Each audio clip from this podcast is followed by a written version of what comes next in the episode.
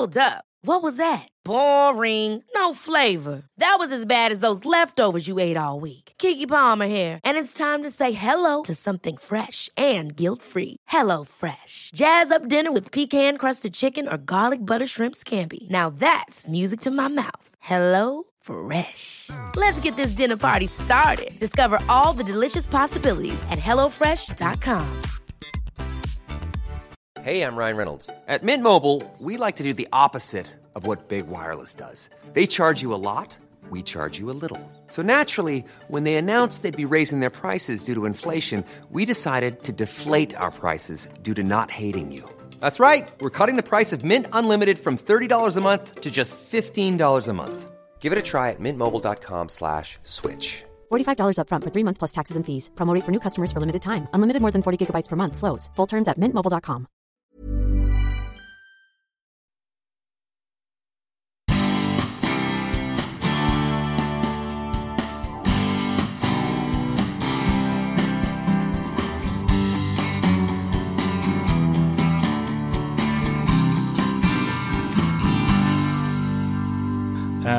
Eh, och, och, och så nu då kriget i Ukraina, eh, covid-pandemin.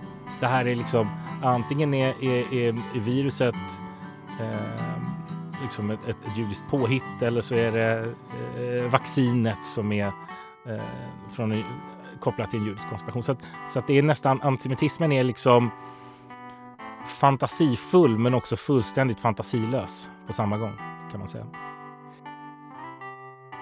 De vill ha ett samhälle som är etniskt rensat på icke-vita. De vill ha ett samhälle som är patriarkalt. Där, där, det är, eh, där jämställdheten ska bort och där kvinnorna har en annan funktion som är liksom att um, föda barn och sköta hemmet. Liksom. Eh, kvinnor ska bort från det offentliga livet. SD har på något sätt försökt skapa ett avstånd mellan sig själva och sin sin bas i någon sorts jakt på, på legitimitet men och allt mer kastat masken nu på senare år. För det är ändå en ganska, den så att säga uppdelningen, det avståndet är onaturligt. Och nu ser vi mer SD kanske för vad det är. Det är väl det som händer nu. Är högerextremismen på frammarsch i Sverige? Hur farliga är de? Vilket Sverige skulle vi få om något av de högerextrema partierna skulle komma till makten? Det är huvudfrågorna i det här avsnittet med veckans gäst Jonathan Lehmann, journalist och researcher på stiftelsen Expo. Jonathan är av judisk härkomst och fick utstå en hel del trakasserier i sin ungdom. Så vi tar avstamp i antisemitismen innan vi dyker ner i extremismens värld. Vi diskuterar likheter mellan nazister och talibaner, vart SD är på väg och om den politiska korrekta mittfåran möjligen bidrar till polariseringen i samhället eller inte. Dessutom pratar vi om ett framväxande parallellsamhälle i Töreboda och när Amineh Kakabaveh blir grundlurad av en fejkad film om Somalia.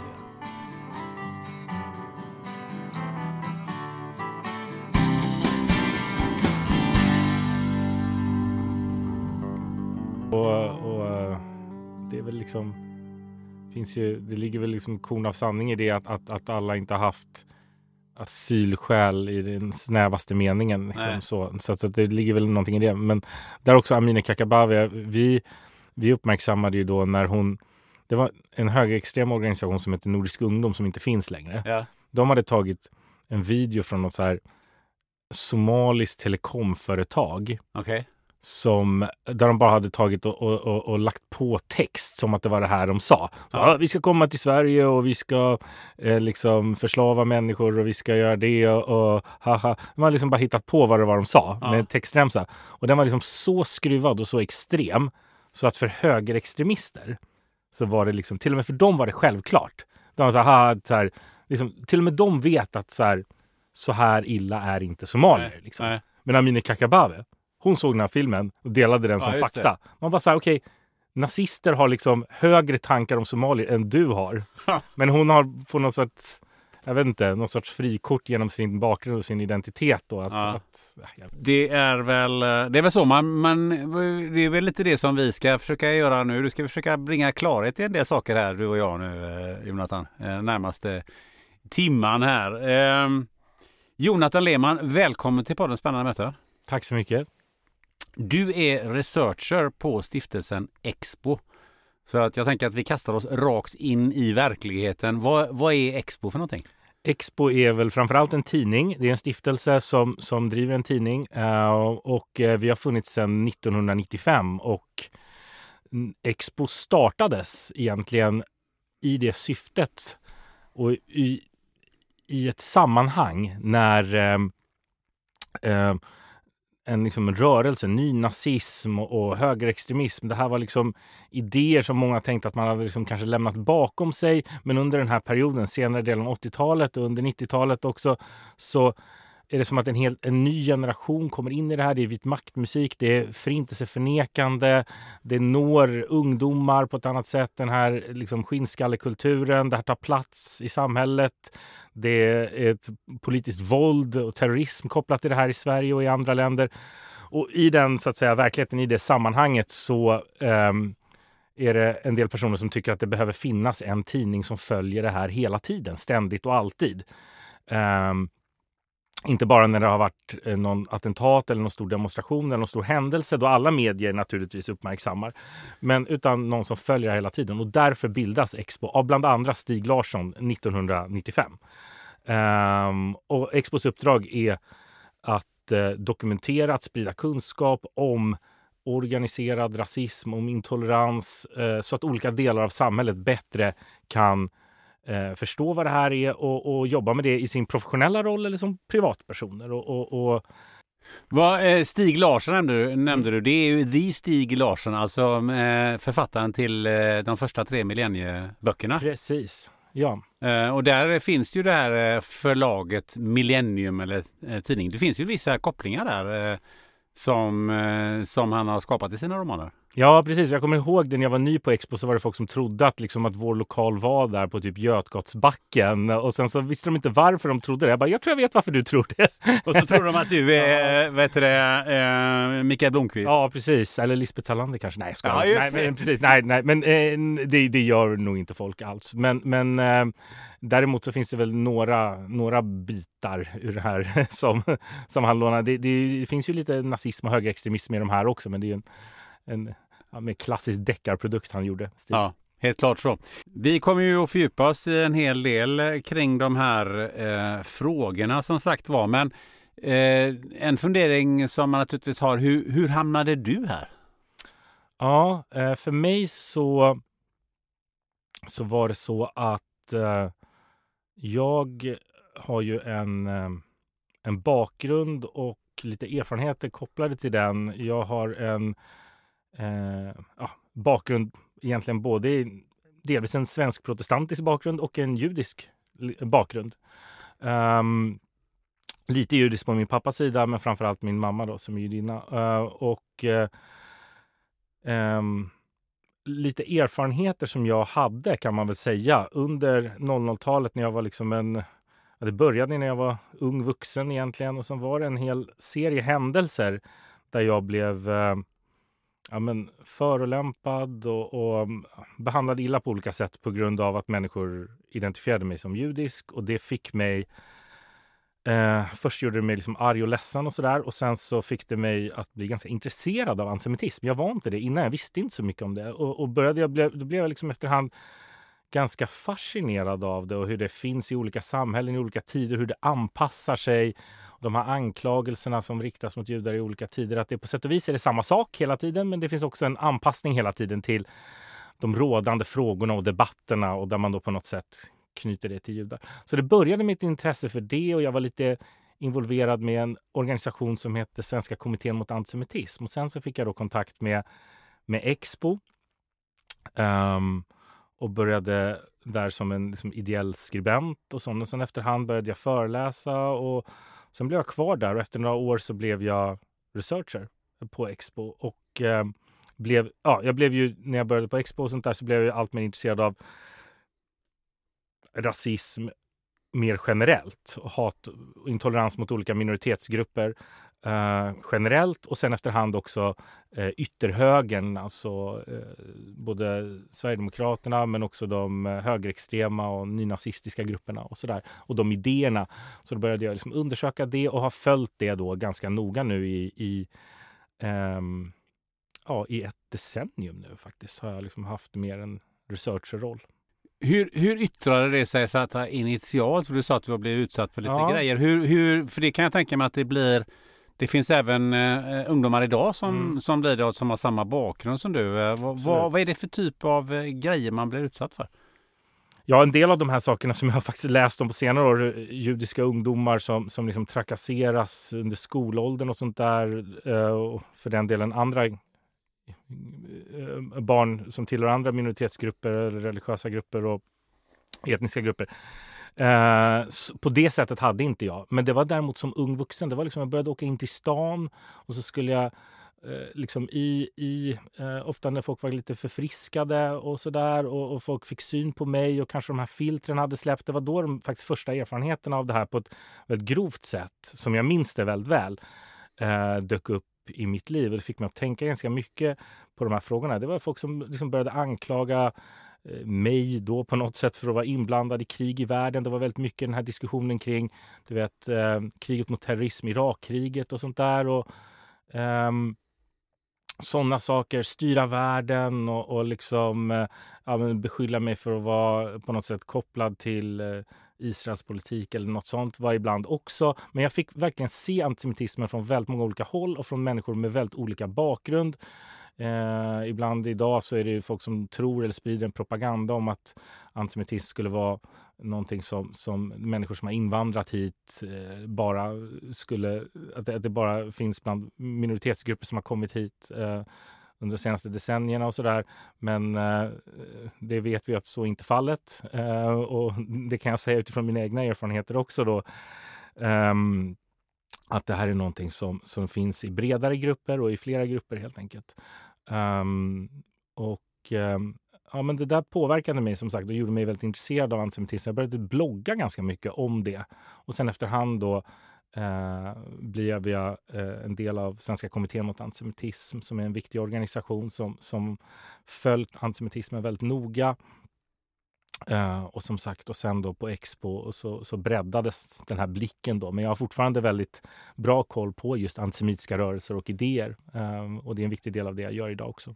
Du säger överförfriskade på krogen. Alltså, Mm. Det är ju ingen som kan liksom säga, jaha, där kommer det en jude. Det hade ju inte jag klarat av att säga. Det Nej, inte så många andra men, som eh, säger det förstår heller. Hur, hur kommer det sig? Nej, men det var, det var, jag hade ingen särskild symbol sådär, så, utan det var mitt utseende som en del under den här perioden alla fall reagerade på och kände sig ganska säkra på eh, att jag var det då, helt enkelt. Ja, men det, det, du hade ju lika gärna, för mig hade du lika gärna kunnat vara muslim. Ja, ja. Nej, men precis. Men jag, jag fattar det. Och, men, men jag har faktiskt haft en dialog med eh, eh, Ehm, en tjej som faktiskt är muslim men som har varit med om ganska mycket antisemitism. För att hon har ett utseende som antisemiter tycker är judiskt då på något sätt. Så det där är lite speciellt. Eh, det där. Ehm, men de här erfarenheterna då, även om de var ganska, ja men till en början liksom eh, sårande, verkligen gjort så fysiskt ont i magen av det här på ett sätt. Jag menar, jag hade varit med om lite så generell främlingsfientlighet innan. Att någon tycker att man inte är svensk och säger något generaliserande. Och det, det träffade liksom inte så hårt. Men just de här antisemitiska bitarna var en väldigt smärtsam eh, upplevelse. Varför Men var det så? jag vet inte, det, det kändes som så mycket mer. Det andra kändes som något så slängigt och inte så djupt rotat kanske. Medan det här kändes så specifikt och riktat. Det är lite svårt att förklara, men det var. Det var. Det kom liksom mycket närmare och mycket djupare och, och eh, påverkade mig ganska mycket. Det gjorde det och, och som sagt efterhand då så blev det här smärtsamma till någon sorts ja, nästan nördigt intresse. Fast hela tiden med det här patoset, att det här är någonting som är farligt för judar men också för, för samhället i stort. Alltså i ett land där eh, med bra jordmån för antisemitism, där antisemitismen så att säga mår bra, där mår inte demokratin bra. Det är inte bara ett hot mot judar, det är, det är ett hot mot, mot ett fritt och öppet samhälle också. Fanns det någonting i din uppväxt och, och just att du, din mamma eh, var judinna och så som, som var det det som gjorde att det gjorde extra ont eller fanns det någonting där? Det, det var det ju förstås, eh, absolut. Eh, att det, ja, men det var, det var liksom attack mot mig då på ett djupare sätt och, och, och den jag var. Liksom. Eh, Hur ser antisemitismen ut i, i Sverige? Vad, vad är det för människor som, som är antisemiter och hur yttrar det sig? Alltså, precis som fördomar mot andra grupper så finns det här ju i bredare eh, liksom grupper i befolkningen. Fördomar om, om att judar är eh, på ett visst sätt och liksom negativa fördomar om judar. Och väldigt viktigt när det gäller antisemitism är ju liksom ja, föreställningar om judisk makt. Judisk manipulation är ju eh, väldigt centralt här. Eh, och antisemitism är också en så här kärna i extrema ideologier, till exempel radikal islamism och eh, inom, eh, ja, viktiga, eh, in, inom extremhögern och vissa andra delar av ytterhögern också då, så är antisemitism eh, liksom, antingen en kärna eller väldigt vanlig liksom, eh, och utbredd. Eh, och även inom konspirationistiska miljöer, alltså den här typen av där man har en konspiratorisk världsbild som ofta överlappar med det högerextrema men inte riktigt är samma sak. Alltså i sådana här kretsar eh, där man kanske, de här kretsarna man mobiliserade mycket mot eh, coronapandemins eh, rekommendationer och restriktioner.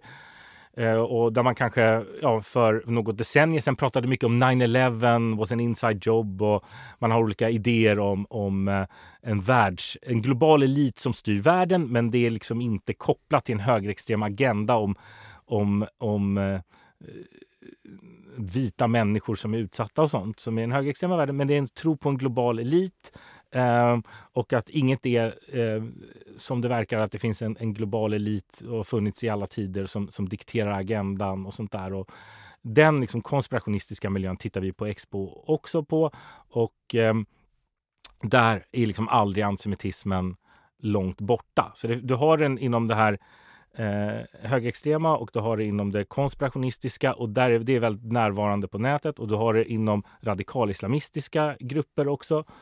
Eh, då, när jag började intressera mig för de här frågorna, då fanns det en ja, men mer tydlig en sorts vänsterantisemitism också.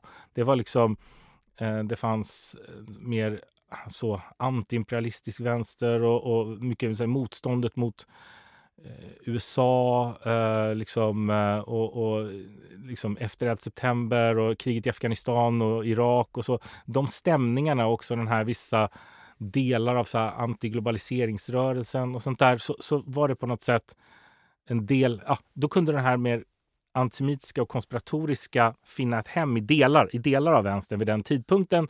Och det har vi sett lite problem inom, inom vänstern typ i i Storbritannien på senare år. Men det här har försvagats väldigt kraftigt i min bild och idag så är det snarare inom liksom, ytterhögern som det här eh, får mer spelrum med, med eh, antisemitismen idag. Men det finns ändå fortfarande kanske då i, i vissa delar av vänstern. Och sen så, så är det också då um, lite olika vanligt med antisemitism också i olika delar av världen. Och det är klart att det påverkar också. Bara i Europa så är det ju mer utbrett med antisemitism i i östra Europa till exempel eh, än i västra.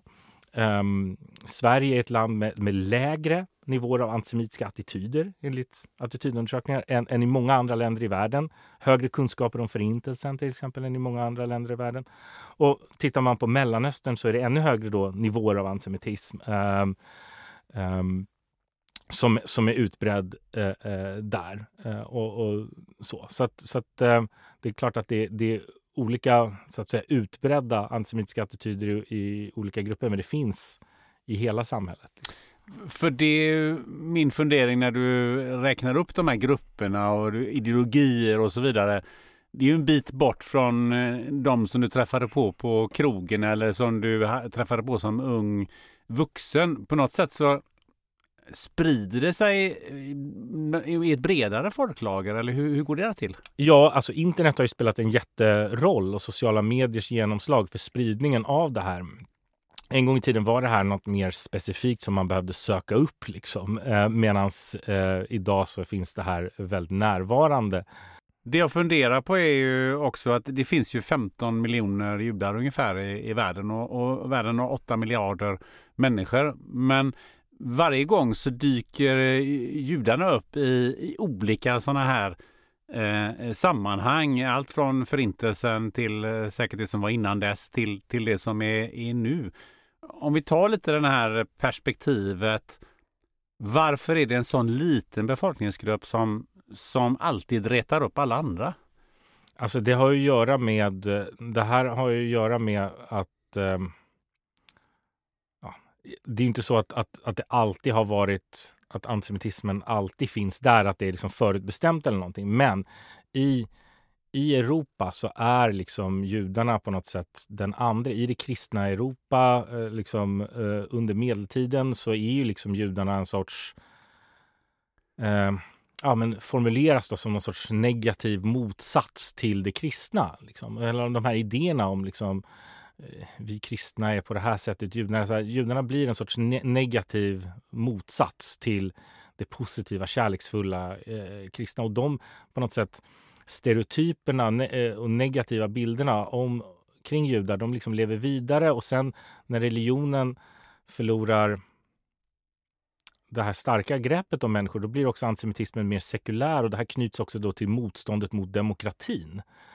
Um, och, och liksom en sorts ja, extrem och exkluderande nationalism under 1800-talet. Och, Eh, och det är det vi ser liksom med, med eh, de här ja, men konspirationsteorierna, Sionvises protokoll och sen framväxten av ja, nazismen i Tyskland till exempel och, och, motsvarande rörelser i andra länder. Att, att eh, men det går inte att förstå antisemitismen utan den här särskilda liksom, ja, men, historien i Europa eh, och liksom den kristna medeltiden och, och ja, kristendomen och judendomens relation på något sätt. Att judar då i, blir någon sorts ja, också då påminnelse om tvivel kring Jesus. Alltså Jesus är Messias för kristna men inte då för judar och så vidare. Det finns en, en inneboende liksom konflikt där och de här anklagelserna om, om judar som ja, Kristusmördare och så vidare. Och, och Eh, efter... Det är ett sätt att eh, förena eh, olika befolkningsgrupper eller olika grupper överhuvudtaget mot en gemensam fiende. Och så hittar man. För en del så är det så. Eh, alltså den här... Den, alltså, antisemitismen är ju en alternativ världssyn.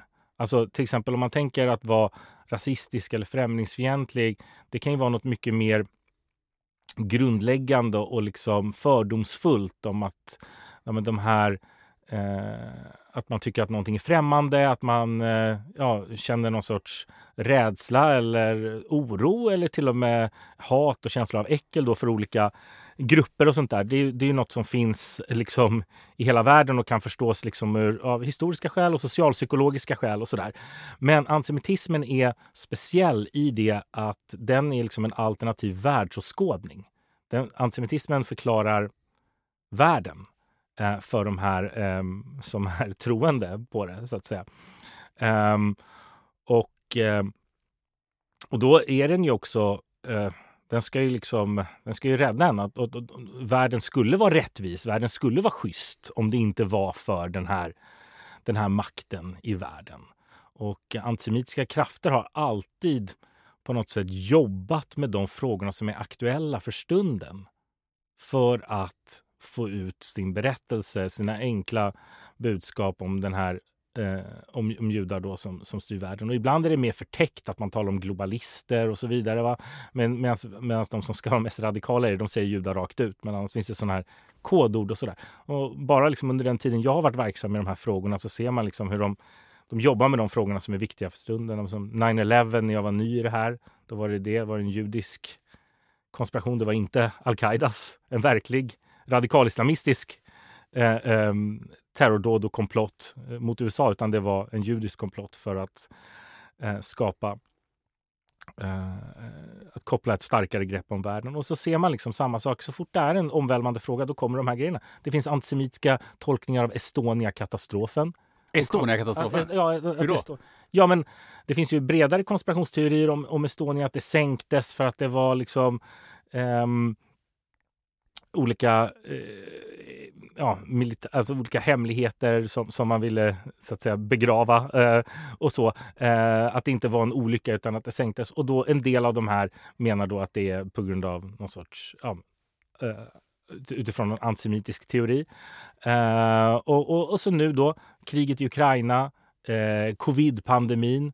Det här är liksom antingen är, är, är viruset eh, liksom ett, ett, ett judiskt påhitt eller så är det eh, vaccinet som är eh, från, kopplat till en judisk konspiration. Så, att, så att det är nästan antisemitismen är liksom fantasifull men också fullständigt fantasilös på samma gång kan man säga. Du jobbar ju som researcher. Mm. Vad gör en researcher på Expo? Ja, det är min uppgift att, att uh, hålla koll på de här miljöerna vi bevakar. eh, antisemitiska, islamofobiska, rasistiska rörelser, högerextrema rörelser och så vidare. Då ska jag ha koll på vad har de för ideologi, strategi, inflytande, vad begår de för brott, vad har de för samarbeten med krafter i andra länder, vart är de på väg, vad ser vi för trender? Helt enkelt kunna svara på alla de här frågorna som olika delar av samhället har. Allmänheten men också människor i sina olika yrkesroller, folk som ska förebygga eh, våldsbejakande extremism till exempel, eller motverka det på olika sätt. Eh, lärare eh, och, och, andra eh, som behöver en kunskap om det här, poliser till exempel. Eh, och eh, då kretsar mitt arbete kring att ta reda på så mycket som möjligt. Vilka är aktiva i i nazistiska grupper? Vilka är det som sprider det här hatet på nätet? Vad är det för, hur ser retoriken ut på de här sajterna, eh, nyhetssajterna? Och, och ja, vad har de för eh, kopplingar till andra länder? Vad inspireras de av? Hur inspirerar de i sin tur andra? Så då gäller det liksom att ta sig in i de här miljöerna. I vissa fall så är det lätt för de säger allting helt öppet och så. I andra fall är det lite klurigare och man måste vara lite kreativ för att, för att komma in och få den här kunskapen. Och sen gäller det att använda eh, en mängd källor till information, både det öppna och mer slutna och, och knyta kontakter med människor så att man får mycket information och, och bearbeta den, säkra den här informationen. Och så gör vi varje år en sorts årsrapport om läget i den högerextrema miljön som, där vi liksom sammanfattar det här året och vad vi ser framför oss. Eh, och ja, gör vår, grunden till vår egen journalistik då, men också att vi medverkar i andra medier som experter. Vad, vad är det här för en idé?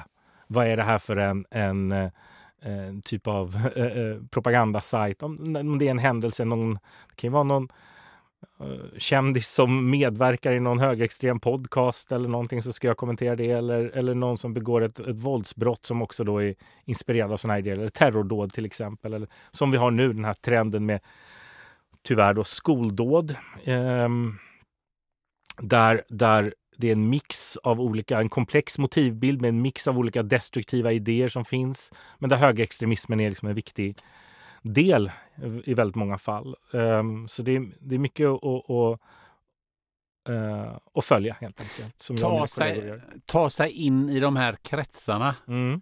Kan du, eh, kan du specificera lite det? Vad menar du med det? Mm, ja, det kan ju vara alltså, det kan ju vara att ta sig in i olika grupper i sociala medier, men det kan ju också vara eh, i vissa fall att, eh, att ha uppgiftslämnare från sådana här grupper då, till exempel. Kan det vara också. Um, Hur får man det? genom att vara trevlig att prata med. Uh, men det, det, är svårt att um, ja, gå in på i detaljer exakt hur man gör det här. Men, men, uh, ja, men i allmänhet, alltså, för, mm. för det låter ju inte helt ofarligt. Uh, det, det, problemet för mig, det är ju liksom att jag är lite bränd i de här sammanhangen. Jag kan ju ehm, jag är ju ganska igenkänd av de här. Det var ju uppfriskande för mig faktiskt. För ett gäng år sedan så var jag i USA. Då var det mycket lättare. Ingen visste vem jag var och sånt där. Då kunde man ha ett annat manöverutrymme. Men eh, Eh, det får helt enkelt andra som är mer okända göra. Men däremot så kan jag eh, vara med och fotografera ibland vid olika eh, demonstrationer och aktiviteter eller eh, ja, försöka infiltrera mer via nätet helt enkelt genom fake-personer på nätet och så. För jag tänker att jag någonstans läst att eh, eh, du eller de som, som försöker att infiltrera de här grupperna eh, går med i demonstrationer och, och så vidare för att, för att skapa en närmare kontakt med dem. Mm, ja, nej, det låter ju otroligt farligt. Det är ju svårt för mig att göra, men det finns ju andra som har, har gjort det. Um, um, uh, journalisten Jenny Strindlöv gjorde ju det och gjorde ett väldigt intressant uh, reportageserie i, i Expressen om det. Eh, hon jobbar på Kvällsposten numera. Eh, och eh, Patrik Hermansson till exempel som också infiltrerade då den brittiska och amerikanska högerextrema eh, miljön och min chef Daniel Pohl som när han var helt ny på Expo faktiskt infiltrerade eller ja, gick med i Nationaldemokraterna. Um, och, och um, det var liksom det första han gjorde mer så. Det gör man ju bara en gång så att säga. Sen är det kanske man är lite bränd där då. Men det gjorde han och det kan man lyssna på faktiskt i hans sommarprat som kom för ett gäng år sedan. Väldigt intressant. Daniel Pools sommarprat kan jag rekommendera.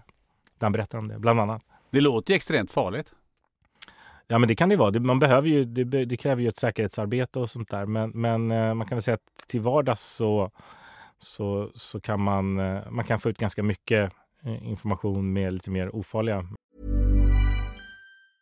When you're ready to pop the question, the last thing you want to do is second guess the ring. At BlueNile.com you can design a one-of-a-kind ring with the ease and convenience of shopping online. Choose your diamond and setting. When you find the one, you'll get it delivered right to your door. Go to Bluenile.com and use promo code LISTEN to get $50 off your purchase of $500 or more. That's code LISTEN at Bluenile.com for $50 off your purchase.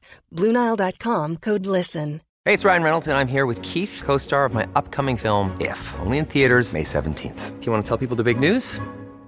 All right, I'll do it. Sign up now and you'll get unlimited for $15 a month in six months of Paramount Plus Essential Plan on us. Mintmobile.com slash switch. Upfront payment of $45 equivalent to $15 per month. Unlimited over 40 gigabytes per month. Face lower speeds. Videos at 480p. Active Mint customers by 531.24 get six months of Paramount Plus Essential Plan. Auto renews after six months. Offer ends May 31st, 2024. Separate Paramount Plus registration required. Terms and conditions apply if rated PG. There's never been a faster or easier way to start your weight loss journey than with PlushCare PlushCare accepts most insurance plans and gives you online access to board-certified physicians who can prescribe FDA-approved weight loss medications like Wigovi and Zepbound for those who qualify.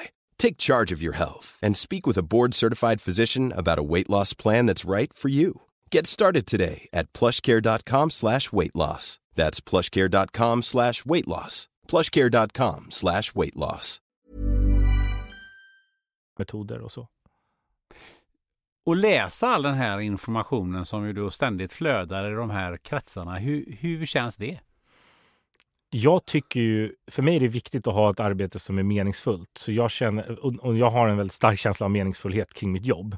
Så i grunden så mår jag bra av det. Däremot så finns det en negativ sida av det och det är um, allt det här man läser gör att associationsbanorna går till det här väldigt lätt. Och det gör ju att man bär med sig de här perspektiven. Alltså för att vara bra på mitt jobb, då måste jag tänka mig in i vad tycker och tänker högerextremister om det här? Hur reagerar de på det? Och det stänger inte helt av när jag liksom lämnar jobbet.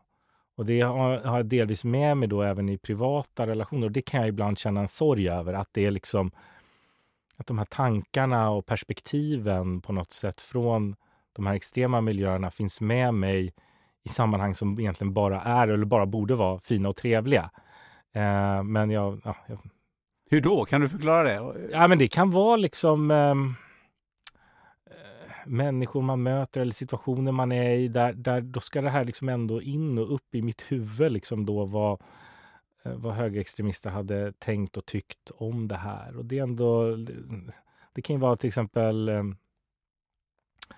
eh, fördomsfulla. Alltså, jag associerar till, till de här fördomsfulla bilderna då, även om jag själv inte har dem, så är det ändå att associationen väcks till det. Eh, och det kan eh, gälla både ja, sånt som jag själv har anknytning till och liksom det judiska och sådär, men även, även andra grupper och sådär. Att, att det finns liksom, och, och också synen på um, ja, samhälle och politik i, i, bredare mening. Att, man, att, att eh, den här så att säga, nyfikenheten på de här extrema miljöerna um, har ändå påverkat liksom, lite vilka tankar och associationer jag bär med mig. Det är, är, det svårt att inte diskutera det här när man kommer in i diskussioner vid, vanliga runt? Nej, men jag hade några år när jag var mer ny på Expo där då jag liksom nästan bara hade kontakt med andra som höll på med det här. Men efter några år så märkte jag att jag ville bort från det här ibland och, och, inte bara hålla på med det här och att det var sunt och bra för mig och, Eh, och sånt. Så jag hittade en mer liksom sunt förhållningssätt till det där efterhand. Men jag hade några år där, där jag egentligen bara var intresserad av att hålla på och prata om det här. Och det gjorde att jag kanske inte var så intresserad av människor som inte höll på med det. Och, och, och kanske var lite socialt knepig under den tiden och så. Men, men um, det, liksom, uh, det gav sig lite efterhand. Um. Jag tänker på allmänt sett, hur, hur bemöter man den här eh, eh, typen av eh, åsikter som, som du har pratat om här? Eh, hur, hur, skulle du vilja säga att man bemöter dem? Jag menar de som tror att eh, det var en judisk konspiration med Estonia eller 9-11 eh, eller vad det nu var för mm. någonting. Det finns ju andra typer av konspirationsteorier också. Hur ska man bemöta dem? Ska man liksom vara uteslutande, marginalisera dem eller vad ska man göra? Nej, däremot eh, det som verkar vara bäst det är att man eh, ehm, så att säga inte stöter bort människan även om man är tydlig med, med de här eh, med idéerna. Alltså det som händer med en del, framförallt de som hamnar i konspirationstro, är att de kanske vänder liksom det vanliga samhället ryggen i ganska hög grad. Och den effekten kan ju bara förstärkas då om eh, anhöriga vänder ryggen och sånt där. Så att, så att eh, de, när man har om man har möjlighet, det är inte alldeles enkelt och det här är något som har hänt liksom på många håll. Det har skrivits en del intressanta reportage om det. Människor som liksom ah, trillar ner djupt i sina kaninhål under pandemin och, och liksom Qanon-rörelsen i USA och liksom anhöriga där. Men det finns också intressanta fall om det här i Sverige och anhöriga hur de reagerar. Ehm, att ehm, tänka att det tror jag som är viktigt att tänka är att det här kanske inte kommer förändras över en natt och eh, inte ta på sig ett sorts så här, ett ansvar att bota en person från det här, men att hålla dialogen igång och också en sak som jag har tyckt är bra, det är att liksom lyckas visa, på något sätt vända den här, det är väldigt ofta eh, den här konspirationstroendes idé om sig själv är också att man så här, eh, att man på något sätt att det är den lilla människans sanningssökande mot det här förljugna systemet. Det är någon sorts David mot Goliat, den här kampen.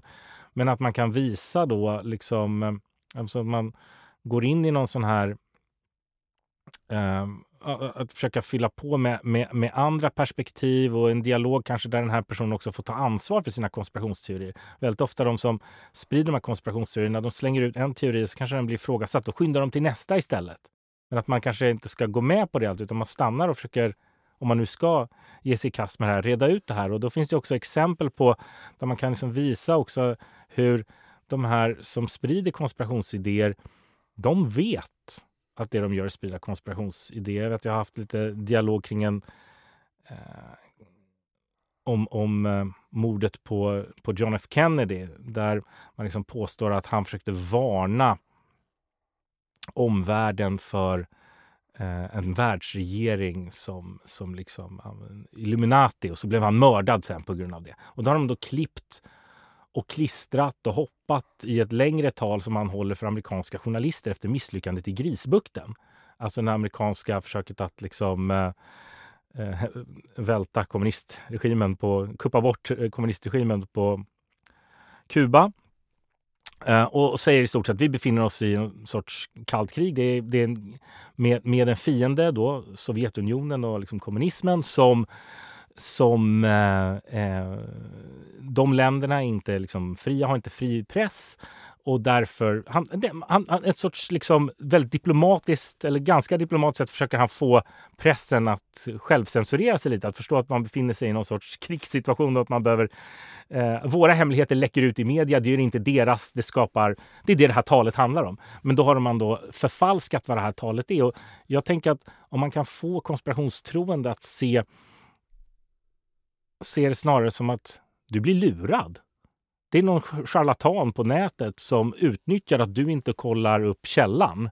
Och så därför kan du lura dig. Och att man kan försöka tala till människors ingen vill bli lurad, ingen vill bli vilseledd. Eh, men många av de här som säger sig vara sanningssökande är ju ja, eh, riktigt lurade. De är riktigt lurade helt enkelt. Och, och jag hoppas att, att eh, fler kan kanske få hjälp att, att komma ur det. Och där är ju liksom en, en ja, men mer his, alltså att ha en bättre kunskap om olika viktiga historiska skeenden. Allt ifrån franska revolutionen som mycket konspirationsteorier tar fasta på. Um, till det här nu med kalla kriget som det här exemplet som jag hade. Och, eh, att ju mer kunskap man har och ju mer eh, förmåga att liksom läsa och tolka texter och, och ha ett källkritiskt perspektiv, desto mer ska krävas för att liksom anamma en sån här världsbild. Och jag tänker att det är lite liknande också med, eh, med rasism och, och, olika typer av eh, hat mot minoritetsgrupper och, och, så också. Ju mer man vet om de här områdena som extremister, konspirationsteoretiker och andra utnyttjar och ju mer man kan förstärka liksom, undervisning och folkbildning på de områdena eh, desto svårare kommer de som vill få med sig människor på extremism och konspirationstro ha att få med sig människor. Om vi dyker ner lite i extremhögern eh, som, som ju du eh, eh, till stor del har eh, bevakat och bevakar. Eh, hur, hur, skulle du vilja beskriva den i, i Sverige idag? Mm. Eh, den har ju en lång, lång historia och till skillnad från i våra grannländer så är den här traditionen mer liksom obruten eftersom vi aldrig var ockuperade av, eh, av Tyskland och, och så kunde de här liksom krafterna fortsätta på ett annat sätt efter, efter kriget. Um, så vi har inte gjort upp med dem riktigt på samma sätt? Inte, inte, nej, inte på, exakt sam, inte på exakt samma sätt. Och en del eh, som var eh, nazistiska eller pronazistiska kunde liksom på något sätt fortsätta lite som ja, liksom lämna det bakom sig kanske utan att göra upp med det efter kriget. Så det, det fanns ju en sån, en sån aspekt eh, och en liksom, eh, opportunism där ehm, eh, kring det som, som en del kunde liksom, utnyttja. Eh, men sen då så kunde de här traditionerna på något sätt hållas vid liv i Sverige på ett sätt eh, under liksom 50, 60 eh, och 70-talet och sen kommer liksom ehm, det här liksom från motstånd mot kommunism till en sorts fokus på invandringsfrågan i slutet av 70-talet och under 80-talet med Bevara Sverige svensk-kampanjen eh, som sen eh, mynnar ut i Sverigedemokraterna eh, i slutet av 80-talet och sen så har man liksom eh, en Sverigedemokra Sverigedemokraterna och sen så har man också då eh, som en del av den här liksom högerextrema miljön på ett tydligt sätt. Och sen under 00-talet så försöker de staka ut en liten egen väg. Um, och, och liksom extrem... Och, och, och, och, så finns det en extrem höger då parallellt med det. Idag så är Sverigedemokraterna ett av Sveriges största partier och eh, har gått från att ja, men försöka modellera sig som ett konservativt parti under några år och, och, och, så till att ha mer ändå kopplingar till högerextremism idag. Alltså de har mer kopplingar idag än vad de hade? Mer än man hade för kanske för tio år sedan ändå. Alltså att man har en annan attityd till det högerextrema. För tio år sedan ville man komma in i värmen och visa att man hade gjort upp med det här. Idag är man mer orolig för att uppfattas som politiskt korrekt än att uppfattas som rasistiskt. För nu har man ju kommit in i värmen. Så det ser vi en förändring nu de senaste åren med liksom Sverigedemokrater har en helt annat förhållningssätt till den högerextrema medievärlden som har blivit ganska stark på senare år. Um, och uh, att de här fallen med högerextremism inne i SD väcker liksom uh, mindre att man kan på något sätt komma undan med mer i SD och olika SD-toppar medverkar på ett annat sätt i högerextrema sammanhang idag. Uh, och så så det, vi har en, en viss visst förändrad eh, attityd i SD. Men vi har en extremhöger där som på något sätt misslyckas hela tiden med att konkurrera med SD i valen. Och det är många som har försökt. Nationaldemokraterna, Svenskarnas parti, Nordiska motståndsrörelsen, Alternativ för Sverige och så vidare. Men som lyckas ganska bra med en sorts propagandaarbete. Um, och de förhåller sig hela tiden. De är som, som någon sorts, det är någon så här lite hatkärlek till Sverigedemokraterna. Man gläds åt framgångarna samtidigt som man då vill visa att Sverigedemokraterna inte riktigt är sanna nationalister. Så det är hela tiden en balansgång för de här eh, högerextrema grupperna. Och de här högerextrema grupperna har ju en annan syn på um, alltså att man är mer öppet fientlig till demokratin uh, och man har en syn på politiskt våld som något som man har förståelse för eller som man till och med utövar uh, Eh, i, i de här då, eh, högerextrema grupperna. Um, och nu har vi en trend då med några, under några år så var den här nazistiska nordiska motståndsrörelsen ganska dominerande under perioden typ 2015 till 2018, 2019. Eh, och sen har de haft en nedgång efter det här misslyckandet i valet 2018. Och nu har vi fått en mer en struktur där det är många fristående initiativ. Eh, idag har vi en trend med så här eh, fight clubs, högerextrema fight clubs. Man är intresserad av faktiskt just den filmen Fight Club från, eh, eh, eh, från 99, 1999 tror jag den är från. Eh, som, som, där man ska, att män ska liksom träffas i de här sammanslutningarna och bygga upp en våldskapacitet och så vidare. Det är en, en ehm, Eh, det finns ingen högerextremism på det sättet i den filmen, men man, man, man tar med sig just den här med män som träffas och uh, uh, utövar våld. tar man liksom med sig därifrån. Och um, de här mer då informella strukturerna och, och, och, mindre cellerna som man har bildat nu. Det är en trend som vi ser och man försöker locka in en yngre generation i det här. Man kan väl säga att, att ja, det har den traditionella med extremhögern med att man har ett medlemskort och eh, eh ute och delar ut flygblad och så vidare. Det eh, är ganska ifrågasatt och många tycker att det kanske inte ger så mycket. Men det här med uppbyggandet av av våldskapacitet då med, med, med kampsportsträning och annat. Eh, det är mer på modet i den här miljön. Och det är en trend som vi ser i olika delar av Europa och inte minst från, från USA där den här Active Club-trenden kommer ifrån. Om man skulle fråga dem vad är det för samhälle de vill eh, bygga? Finns det något gemensamt? Kan man säga, vi pratar ju, det finns flera stycken eh, på den högerextrema kanten. Finns det någon sån här det här samhället vill man bygga. Det vill säga att om man skulle, om man skulle eh, fantisera lite om, om de skulle, om de skulle få bilda regering i Sverige. Mm. Vad, vad, vad är för samhälle som vi skulle alltså, se? De vill ha ett samhälle som är etniskt rensat på icke-vita. De vill ha ett samhälle som är patriarkalt. Där, där, det är, ehm, där jämställdheten ska bort och där kvinnorna har en annan funktion som är liksom att um, föda barn och sköta hemmet. Liksom. Uh, kvinnor ska bort från det offentliga livet. Uh, och, uh, och, och um, sexuella minoriteter ska liksom, ja, bort från det offentliga rummet, stängas in i garderoben igen helt enkelt. Um, Låter ju lite som, ursäkta att jag avbryter, men eh, eh talibanerna eh, får jag direkt en mm. tanke på, även om de är, kanske inte just eh, handlar om vita, utan, eller det handlar om, om icke-vita, utan några andra färg. Men i, i, stort sett så är det ju samma. Ja, nej, men det är ju motståndet mot, mot demokratin och mot fientligheten mot eh, liksom pluralism. Ett, ett mångfald i samhället och, och, och, demokrati, den är ju väldigt lik. Och det finns ju också, om du tittar på till exempel um, hur, hur en del... Eh, alltså det fanns ju en beundran för många, många högerextremister. Innan de började med de här konspirationsteorierna om 9-11 ordentligt så fanns det ju en beundran för bin Laden som slog mot det här dekadenta och då, enligt de judistyrda USA, att man såg liksom al-Qaida som sina vänner och sånt där. Det var ganska vanligt med den typen av uppfattningar. Sen när det har kommit liksom islamistisk terror till Europa på ett annat sätt så kanske det här har blivit lite mindre populärt. Men det här finns fortfarande som en retorik och tankefigurer. Till exempel finns det ett koncept som är liksom white sharia. Det är inte fel på hedersförtryck. Vi ska ha hedersförtryck, vitt hedersförtryck.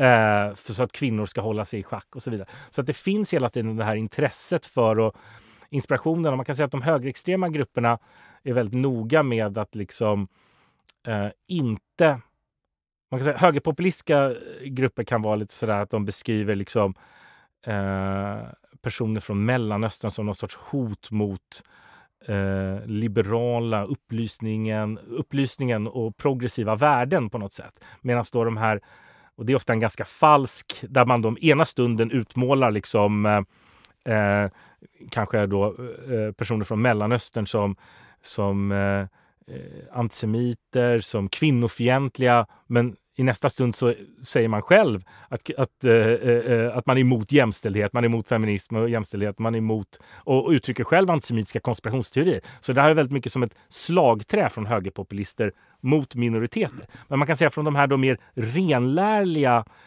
eh, extrema nationalisterna då, i den högerextrema miljön, då är man väldigt eh, avvisande mot sånt och, och eh, istället så, så är man väldigt noga med att säga att att eh, vi vill inte ha de här demokratiska eh, värderingarna. Vi vill ha helt andra värderingar än, än de här. Um, och att man till och med då kan uttrycka en beundran för till exempel radikalislamister och talibaner och sånt. Nu i, den, i de här tiderna vi lever i nu, vi har eh, ett, ett krig i Europa, vi har eh, bränslebrist, eh, dyra elräkningar, eh, folk har inte riktigt råd med att, handla och sådär. Hur, hur påverkar det eh, de, den här typen av grupperingar? Många högerextrema har ju en sorts analys av samhället att, att människor har det fortfarande för bra. Och det är så man förklarar varför ens egna idéer inte liksom lockar fler och att fler inte går med i organisationen. Men så fort folk kommer få det sämre, då, då kommer folk komma till oss. Och det fanns en sån förhoppning. En del av de här grupperna talade på det sättet när pandemin kom. Att så här, att, att, att det skulle bli en kaosartad situation i samhället, ja men det kan, vi, det kan gynna oss. Så man har en väldigt sån syn på, på kriser, att de kan skapa en möjlighet för en. Um, och jag menar, det är, om man tittar på nazismen i Tyskland, det är ju många sätt en, en krisprodukt. Alltså att, att uh, nazismen kunde komma till makten på det här sättet som den eh, kunde. Och, och, det är något man inspireras av, den här typen av grupper. och, och Um, kan det driva nya människor till de här grupperna? Det är deras, eh, eh, det är deras förhoppning att, att, det ska bli på det sättet. Och det är klart att samhällets hantering av, eh, av, av kriser och, och, och, och, att det kan bli situationer i samhället eh, Eh, eh, där otrygghet ökar och välstånd minskar på ett sådant sätt så att eh, människor tyr sig till extrema grupper. Men det är därför det är så viktigt naturligtvis att vårt samhälle kan eh, hantera de här eh, hoten och problemen som vi står inför såklart. Men, men eh, de här krafterna är väldigt redo att liksom exploatera det och försöka göra det och är också frustrerade över att det som snarare händer under pandemin är ju att man sluter upp kring, kring institutioner och, och, och, och liksom Eh, att man inte vill storma riksdagen under eh, pandemin som en del högerextremister vill, utan att man snarare eh, ser en tilltro till, till systemet på något sätt. Att det ändå är viktigt för att komma igenom de här utmaningarna tillsammans.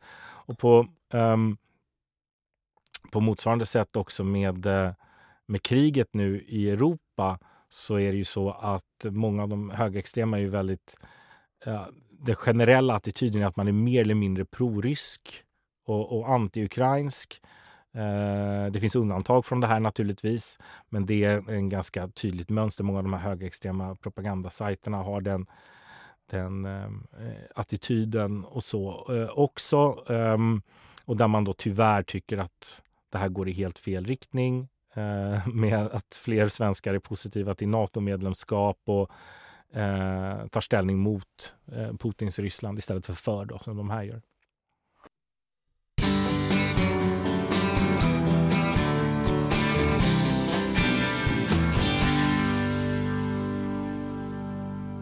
Peter Martin, du är läkare och grundare av FunMed-klinikerna som jobbar med funktionsmedicin. Där hjälper ni patienter på ett helt nytt sätt. Kan du förklara lite mer, vad är funktionsmedicin egentligen? Ja, många som kommer till oss, de har till exempel eh, migrän, smärttillstånd eller högt blodtryck. Istället för att då skriva ut läkemedel som trycker ner symptomen så kartlägger våra läkare de underliggande orsakerna hos just dig som individ. Sen kan de rikta in behandlingen med hög precision och du som patient kan faktiskt läka på riktigt. Saknar du någon som tar ett helhetsgrepp om din hälsa? Börja med att boka ett kostnadsfritt introduktionssamtal på funmed.se. När du tecknar Funmeds medlemskap så ser man hela dig. Tillsammans med din funktionsmedicinska läkare så skapar du en plan för kost, näring och livsstil baserad på avancerade labbtester och ett holistiskt synsätt. Sen får du stöd av ett dedikerat vårdteam med läkare, hälsocoach och sjuksköterska. Gå in och läs mer på funmed.se. Tack Funmed!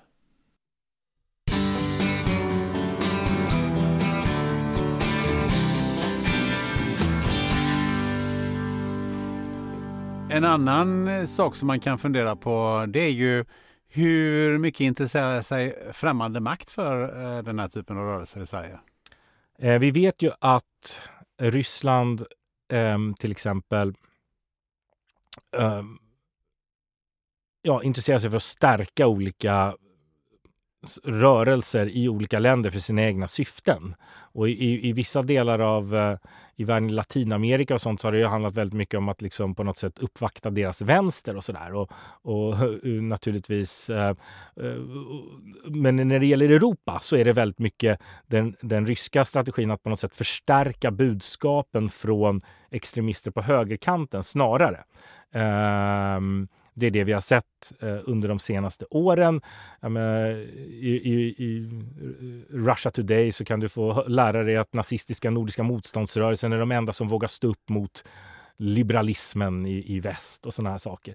Um, så att eh, eh, de, de, eh, eh det finns ett sånt intresse för att förstärka eh, den typen av budskap och försöka splittra eh, splittra Europa och minska tilliten till systemet och också öka eh, tilltron till, eh, till Ryssland och stödet för Ryssland helt enkelt. Som ju inte står särskilt högt i kurs då i den svenska befolkningen i allmänhet men som däremot inom extrema opinioner så är ju eh, konspirationstroende och eh, ytterhögern och så delar av vänstern, framförallt den här äldre eh, vänstern, gamla kommunistgrupper och sånt där, ofta en, en äldre generation vänstermänniskor, de finner varandra i det här stödet för Ryssland och eh, eh, ryska liksom, medier och intressen i sin tur försöker liksom uppvakta och stärka dem på olika sätt.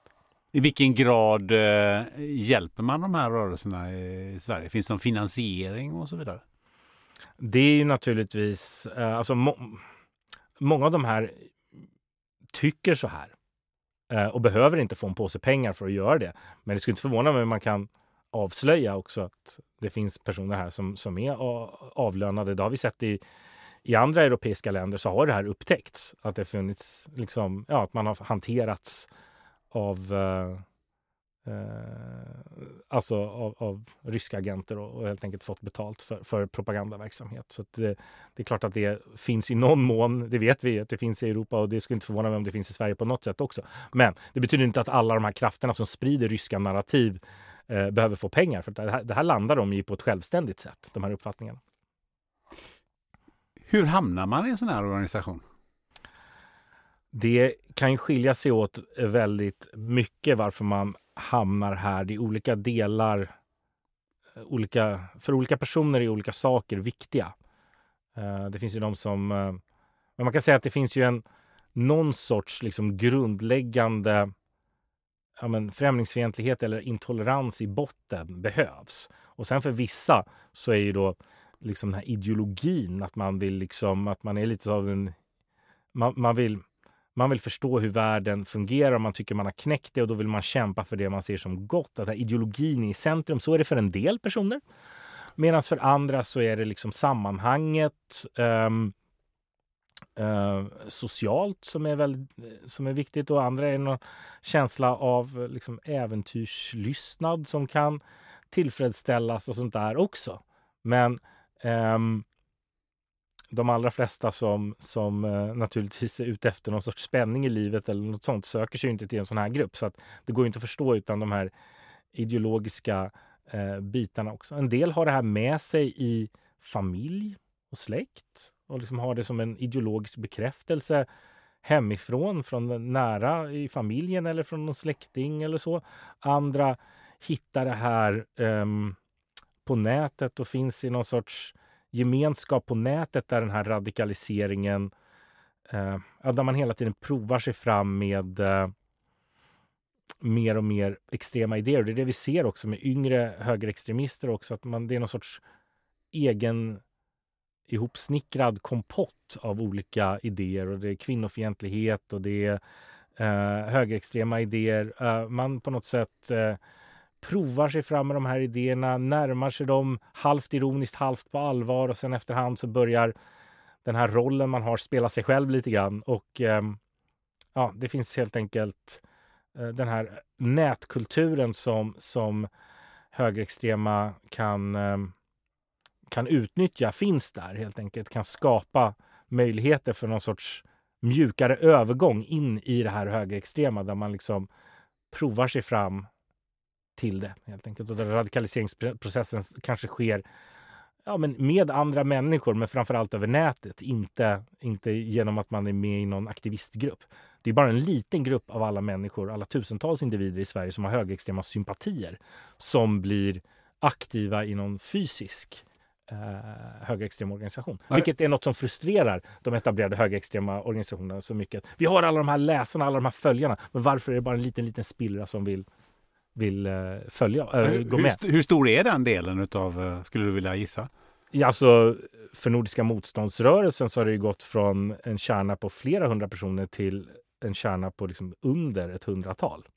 Eh, som är beredda att vara liksom aktivister i, i, här. Sen finns det ju andra grupper och, och, och sånt, men eh, att, att stödja det här på håll eh, är, är, mycket mer så att säga populärt. Och ehm, det vi ser är ju liksom att personerna som, som, är, som nås av budskapen, de har liksom ökat.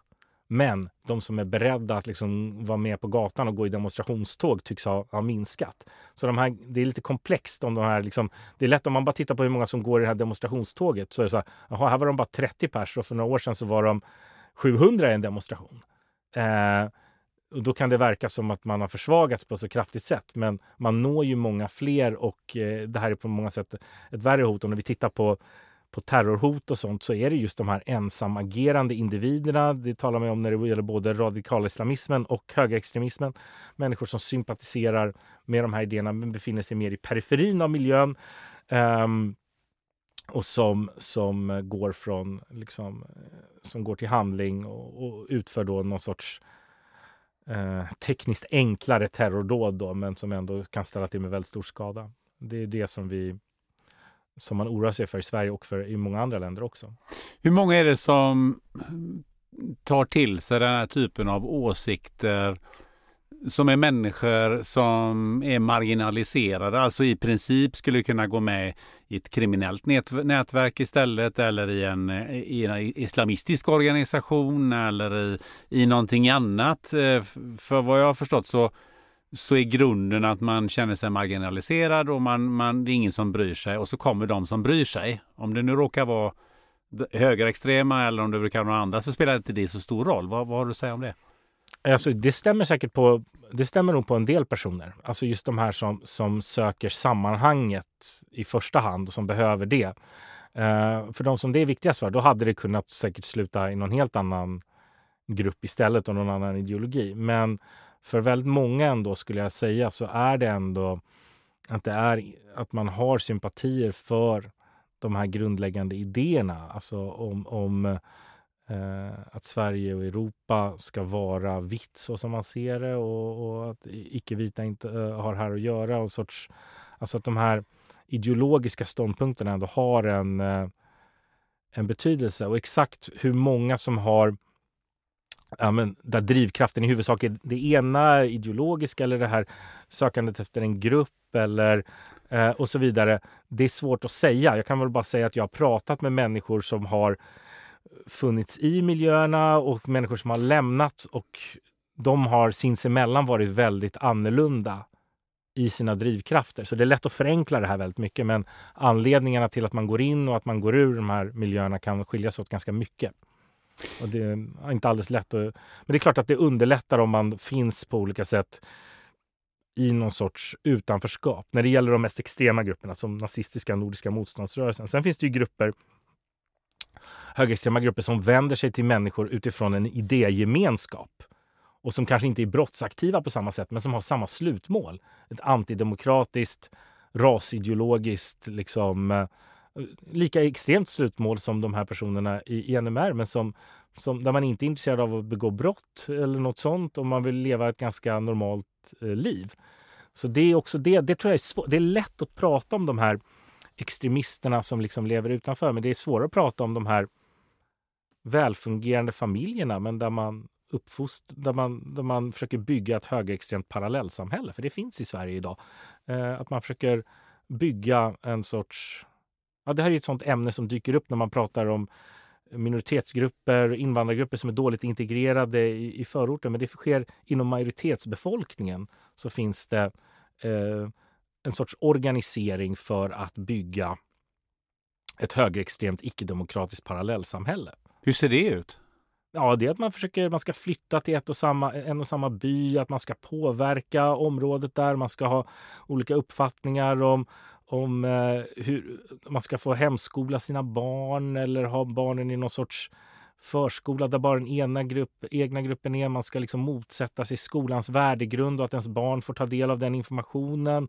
Eh, det finns ibland också idéer kring eh, eh, hälsa och vaccin här också, där den här separatismen så att säga går in i människor som helt enkelt vill skapa, vill leva utanför systemet och tycker sig ha rätt också att eh, rycka sina barn från samhället och, och, och, placera dem i den här högerextrema gemenskapen. Vad jag menar är liksom att, att eh, Eh, det kan vara lättare ibland att se när det gäller minoritetsgrupper och lite svårare att se att vi faktiskt har det här när det gäller majoritetssamhället också. Men menar du att de flyttar ihop på, i, i stadsdelar? Man har inte, man har inte kommit så långt i det här, men i byar, ja, det, det, det, är en strategi eh, att ha det. Sen har man inte kommit så långt, man har inte lyckats, det går ganska långsamt med det här. Men man försöker göra det och vill bygga sitt, sitt högerextrema samhälle parallellt. Har du något exempel på det? Ja, det finns i, eh, i Skaraborg finns det en kommun eh, i Töreboda så försöker man göra det här i en by där man har skapat ett allaktivitetshus, ett socialt center där man vill eh, etablera fritidsverksamhet och liksom bli en sorts Ja, man försöker inspireras av den frikyrkliga rörelsen och av den tidiga arbetarrörelsen. Att man liksom ska bygga studieförbund, man ska bygga egna, egna samhällsinstitutioner helt enkelt som ska knuffa undan det ordinarie samhället. Men lockar man till sig människor då utifrån för att, att flytta dit? Mm, det försöker man göra. Sen så, sen så är det inte supermånga som har hakat på det, men sen försöker man också vinna hearts and minds bland de som lever i orten också. Mm. Eh, och här finns ju en inspiration då från eh, eh andra länder, från Italien där det finns såna här sociala center, men också från delar av östra Tyskland också där det finns byar som har en stark högerextrem prägel och, och de som leder den här organisationen då eh, har lite kopplingar till Tyskland och erfarenheter och, och vill, vill eh, på ett motsvarande sätt etablera den här typen av ja, högerextremt parallellsamhälle i någon sorts, ja, i den här delen av Sverige. Någon har nämnt för mig att eh, om man åker E45 upp genom eh, genom Sverige så, så kan man hitta rätt mycket av den typen av, av eh, både åsikter och samhällen. Ja, precis. Man kan se på attitydundersökningar och man kan se på eh, hur människor har röstat och var det har funnits högerextrem organisering och sånt där. Att det, det finns lite intressanta mönster där. Det går, går i arv vissa orter och så. Du nämnde SD eh, förut här och kopplingen mellan SD och de här grupperingarna. Eh, men vi har ju några händelser som, som är någon dag tillbaka. SD-toppen eh, Rickard Torslow eh, mm. tränade ihop med en högerextrem gruppering och, och Mattias Karlsson då som är framstående riksdagspolitiker och man ska säga SDs lite chefsideolog. Mm Eh, han är ju medförfattare till ett eh, högerradikalt manifest med konspirationsteorier. Och, och det jag alltid funderar på, hur, hur kommer ett riksdagsparti undan med det här? Ja, men det är ju så att SD på något sätt alltid har pratat om att vi svenskar kommer liksom att eh, eh, att, att eh, vi kommer inte finnas i, samma, eh, i framtiden om vi inte gör något. Och så, så det har liksom alltid funnits där i SD. Men här så handlar det väldigt mycket om att man uttryckligen på senare år börjar tala om människor som är från andra länder, eh, andra i tredje generationen och så vidare, att de aldrig kan bli svenskar. Och SD har ju officiellt en ideologi om en så kallad öppen svenskhet. Men det här sättet att tala om folkutbyte och stämpla människor som icke-svenskar bara på basis av bakgrunden utan att ta hänsyn till um, det, eh, till, till om man så att säga är en del av det svenska samhället och hur man känner sig, om man identifierar sig som svensk och så vidare. Det visar ju att SD här i de avseendena resonerar om svenskhet på samma sätt som de högerextrema grupperna. Och så där ser vi liksom att det här som eh, et, etniskt nationalistiska perspektiven som för Uh, ja, men bara så sent som i valet 2018 så pekades ju Alternativ för Sverige, det här partiet till höger om SD, det pekades ut som ett extremistiskt parti för att de inte delade synen med SD på en öppen svenskhet. Och nu ser vi då att det här blir allt vanligare med den här typen av uppfattningar om att det svenska är helt cementerat.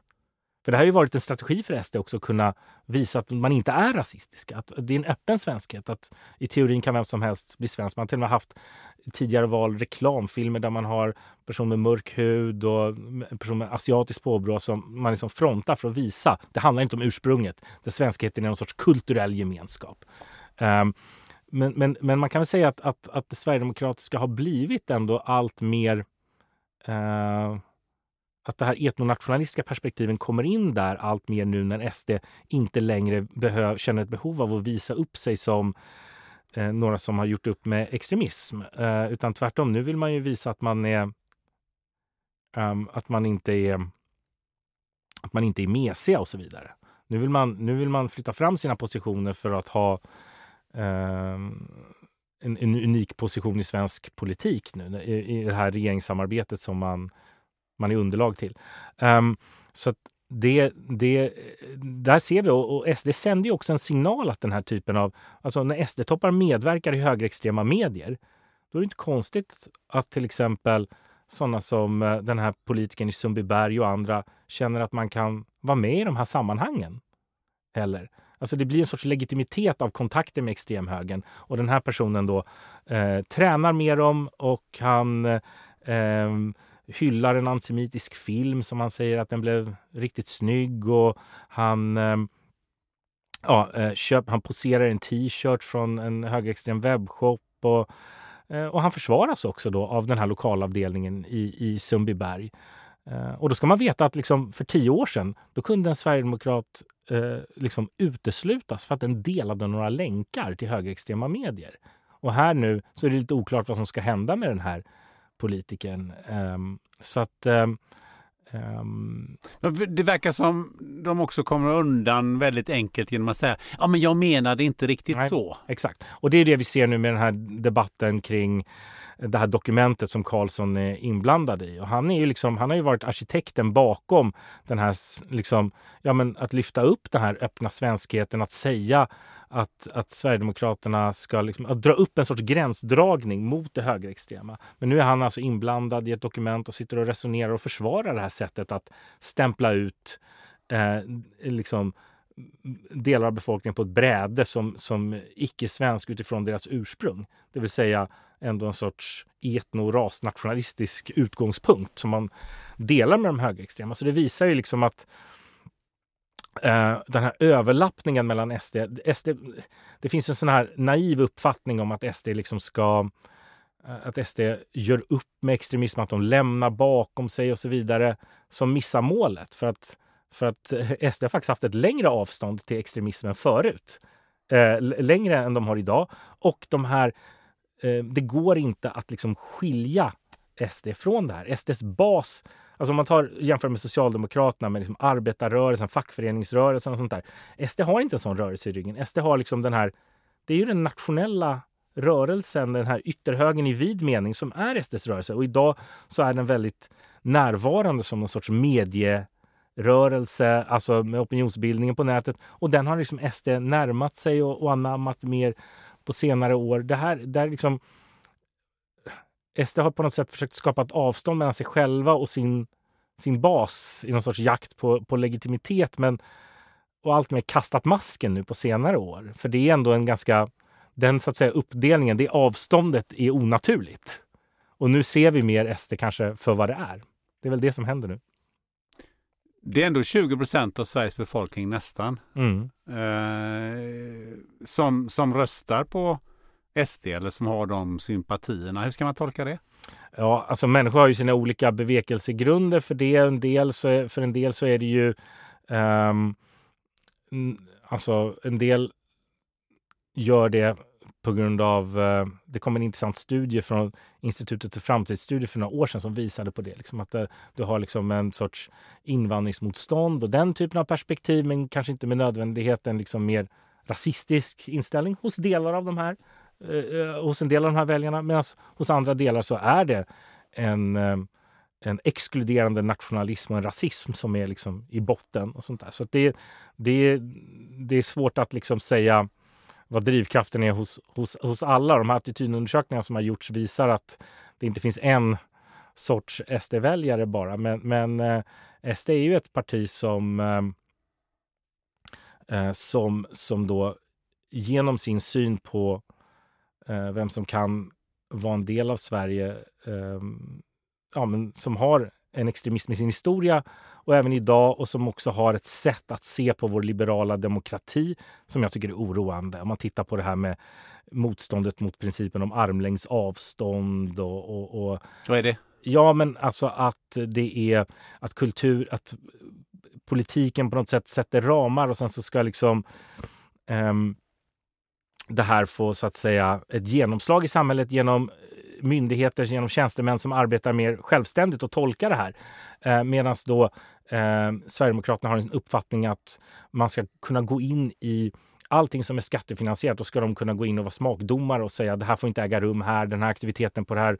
Alltså det, det är en sorts eh, ja, DDR-nationalism på något sätt, fast från någon sorts eh, från någon sorts ytterhögerperspektiv där man, där man Eh, eh, går in och försöker plocka bort sånt som man eh, besväras av.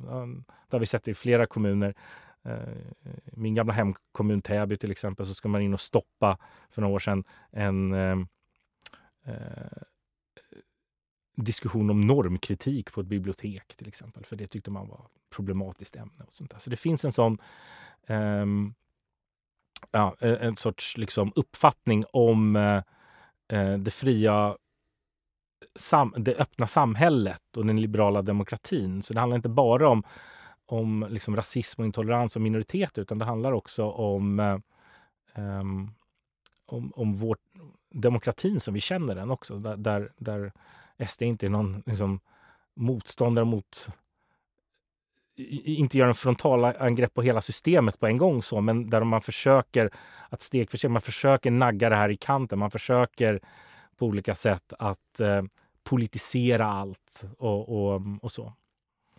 Om vi leker med tanken att eh, vid nästa val så blir SD största parti och Åkesson blir eh, statsminister. Hur tror du att de fyra åren enligt dig skulle se ut?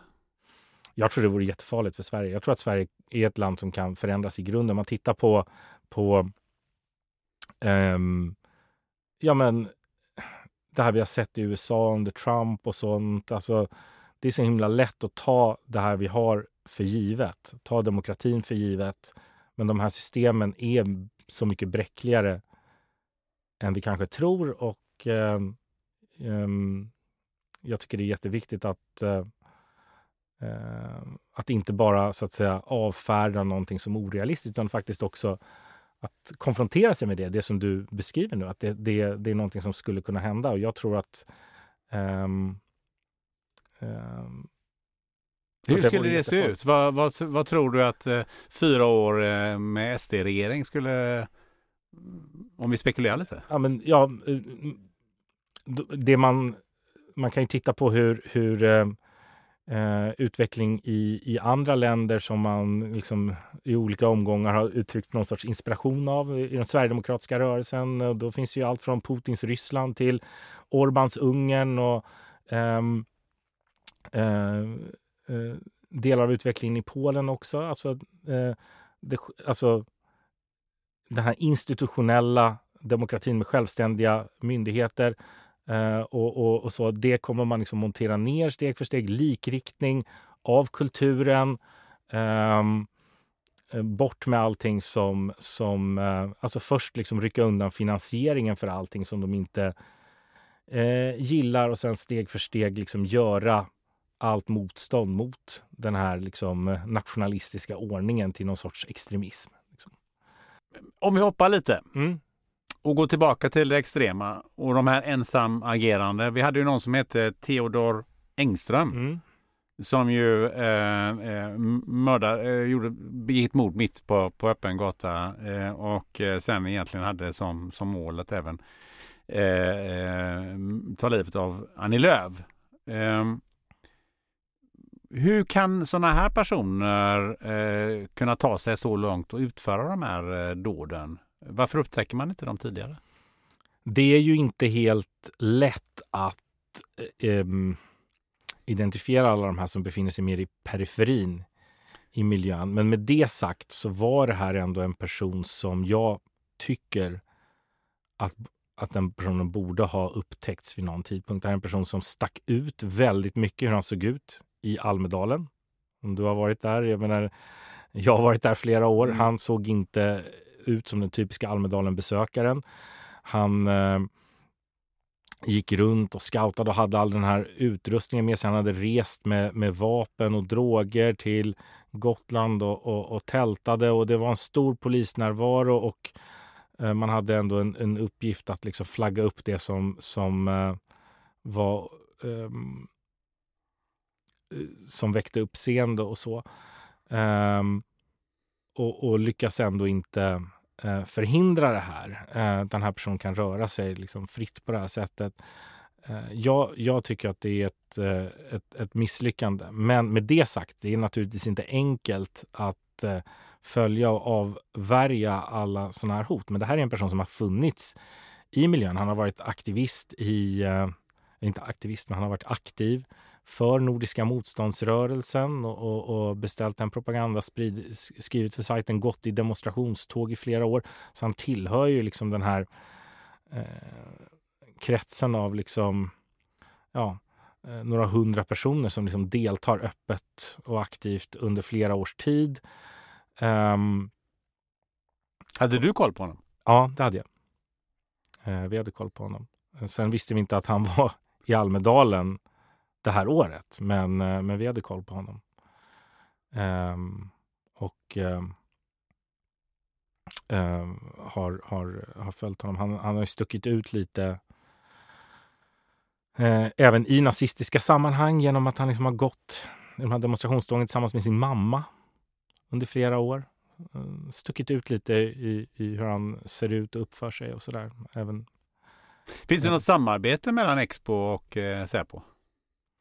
Nej, alltså, nej, det finns inget samarbete. Sen så är det så att man, man lyssnar. Vi läser ju deras rapporter och så där och de, de tar ju del av det vi eh, eh, liksom publicerar och sånt där. Och så har man ju eh, ja, kontakter och, och, och för samtal med alla möjliga. Men det finns inget samarbete på det sättet, nej. Nej, Jag tänkte på att eh, ja, men du hade koll på honom. Eh, Säpo borde väl kanske också haft det då? Ja, alltså eh, jag utgår från att Säpo vid någon tidpunkt har, eh, alltså att de har, han har varit eh, på deras radar vid någon tidpunkt åtminstone under alla de här åren. Det, det utgår jag från. Det, kan, det vet jag inte, men jag, jag, jag misstänker det starkt med tanke på de, ja, hans närvaro vid flera demonstrationer och funnits i liksom, eh, högerextrema kundregister och sånt där som har läckt ut och sånt. Så att han, han har ju gått och han skrivit offentligt i eget namn på Nordiska motståndsrörelsens sajt. Så att, så att eh, man får ju hoppas att det har funnits i alla fall någon kännedom om honom från myndigheternas håll. Sen har det inte ehm, varit tillräckligt här då. Eh, men men ehm, Hur stort är hotet från den här typen av eh, människor eh, i största allmänhet?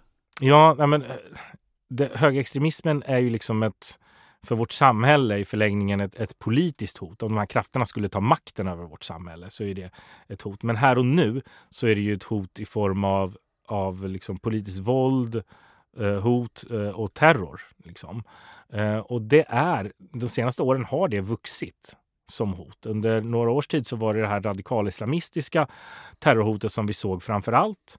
Eh, men numera så är det liksom som lyfts sida vid sida som, som terrorhot så är det det högerextrema och det radikalislamistiska. Så det har ju liksom eh, kommit upp allt mer, blivit ett mer framträdande hot.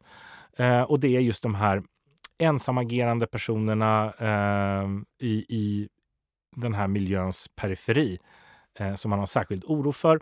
Och påfallande ofta så är det personer som har varit eh, Eh, i eller haft kontakt med de etablerade högerextrema organisationerna. Det är fallet med Theodor Engström, det är fallet med eh, den tidigare NMR-aktivisten i Falköping som, man hittade en bombfabrik hos eh, och som, som har dömts för det nu.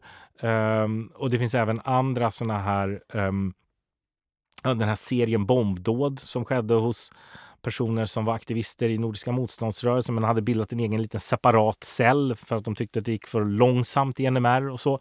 Eh, som begick en serie sprängattentat i slutet av 2016 och början av 2017 i Göteborg som du kanske minns. Um, så att den här kopplingen till, till, även om de då ofta befinner sig lite mer i, i periferin och sådär i miljön, de här gärningsmännen, så har de ofta någon sorts koppling till, eh, till de etablerade högerextrema grupperingarna också. Är det de som är farliga, de är ensamagerande, eller är det grupperna som är, är de farligaste då? Alltså grupperna, organisationerna, det är de som får in människor på den här världs, i den här världsbilden, skolar människor i att snart, väldigt snart är det för sent. Sen så agerar inte de här grupperna i regel eh, med, med terrordåd, men de skapar ju liksom förutsättningar. De, de radikaliserar ju människor till den punkten att de själva drar slutsatsen att de ska begå terrorhandlingar och så. Och, och, men det sättet som Nordiska motståndsrörelsen till exempel använder sig av terrordåd och sprider propaganda och sprider um, till exempel den här terroristen i Christchurch, Nya Zeeland, hans, uh, hans uh, våldspropaganda, det är ju liksom i någon sorts syfte att liksom inspirera. Uh, fast de försöker gömma sig bakom att de, att de uh, eh, rapporterar bara, att de är någon sorts självständig media. Så att, så att organisationerna fyller det här syftet att få in och fördjupa människor i den här världen. Men sen så är det inte kanske som NMR-aktivister och så vidare som de sen begår terrorhandlingar. Man pratar ju om eh, att eh, många av de här grupperna fylls på av vad man i dagligt tal brukar kalla för eh, arga unga vita män. Ehm, som har blivit eh, marginaliserade för att de inte klarar sig så bra i skolan. Det, det är tjejer som springer förbi dem, även, även människor med utländsk eh, eh härkomst. Eh, vad, oftast har de då sämre betyg och lite, lite sådär. Vad har de för betydelse i det här sammanhanget? Alltså de här misslyckandena mm. hos de här. Jo, men det, det är klart att, att för de mest extrema grupperna så, så blir det ju alltså tröskeln för den här typen av engagemang, om man redan är utanför samhället, alltså att vara aktiv i de mest extrema grupperna, det är ju en sorts utanförskap. Eh, och om man redan så att säga är i ett utanförskap så är ju det steget kortare. Det är väl den enkla förklaringen egentligen till, eh, till det. Och eh, faran med att eh, människor liksom tappas och saknar sammanhang och saknar mening och saknar något att förlora och så vidare. Det, är ju, det, ju, det skapar ju personer som det finns risker kring. Så är det ju. För man pratar ju om det att det är en, det är en ökande grupp. Jag tror till och med eh, Fredrik Reinfeldt har, mm. har varnat för detta. Att det är eh, unga vita eh, killar som, som eh, hamnar utanför inte får jobb. Och, mm. Nej, men jag tror att man oavsett om man eh, är vit eller icke vit så, så är det samma liksom saker som skapar riskfaktorer hos, hos människor. Och det här utanförskapet skapar ju riskfaktorer där liksom, extremism och terrorhot kanske inte är det omedelbara och, och, och, största hotet alla gånger. Men det finns ju andra former av extremism också som vi ser nu. Det här som vi ser inte bara i Sverige till exempel utan i andra länder också, den här misogyna extremismen som lockar både personer från majoritetssamhället och minoritetsgrupper. Alltså kvinnofientlig eh, extremism. Eh, med eh, en person som den här Andrew Tate till exempel som är misstänkt för traffickingbrott och som um, nu um, uh, tagen av, av uh, polisen i Rumänien? Rumänien av alla länder, ja, precis. Där, ehm, och det här är en person som liksom vi hör från andra länder och vi, man träffar lärare i Sverige också som berättar det här är en person som våra elever tycker om. Det är liksom... eh, Men hur kommer det sig? Ja, det är en väldigt bra fråga, men det finns en, en, eh, en, eh, sorts motreaktion mot, mot jämställdhet och, och, och, och så. Det här handlar inte alls bara om, det är viktigt att komma ihåg, det handlar inte alls bara om elever som, som har dåliga eh, betyg och som inte har något framtidsfokus, utan det här är något som intresserar en del elever även som är utanför alltså som, som eh, eh, på något sätt eh, inte alls eh, misslyckats på det sättet som du beskrev. Och det, det, det finns en, helt enkelt en kraft i den typen av rörelser idag och det är ganska oroande.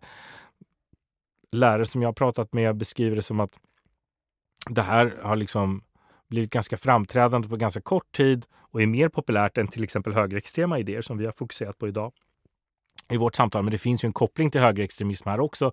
Och högerextrema grupper försöker också eh, de har också en misogyn grundsyn och försöker också då plocka upp och knyta till sig personer eh, som, som tilltalas av det här misogyna. Men en del av den här misogyna eller manosfär-idéerna som finns, alltså de här patriarkala eh, organiseringen mot jämställdhet i samhället eh, är ju det här som många har hört talas om som incels. Men det är bara en del av den här manosfärvärlden eh, där det finns andra eh, också där, där någon sorts, ja men där man har någon sorts guru som ska liksom förklara för en hur man ska äta och träna och hur man ska se på kvinnor och hur man ska behandla kvinnor. Alltså som är någon sorts ja, men, eh, kvinnofientliga livscoacher helt enkelt. Och som, som, eh, det finns svenska sådana, det finns internationella sådana och där den här då Andrew Tate är eh, har haft ett oerhört genomslag och varit väldigt skicklig på att använda sociala medier.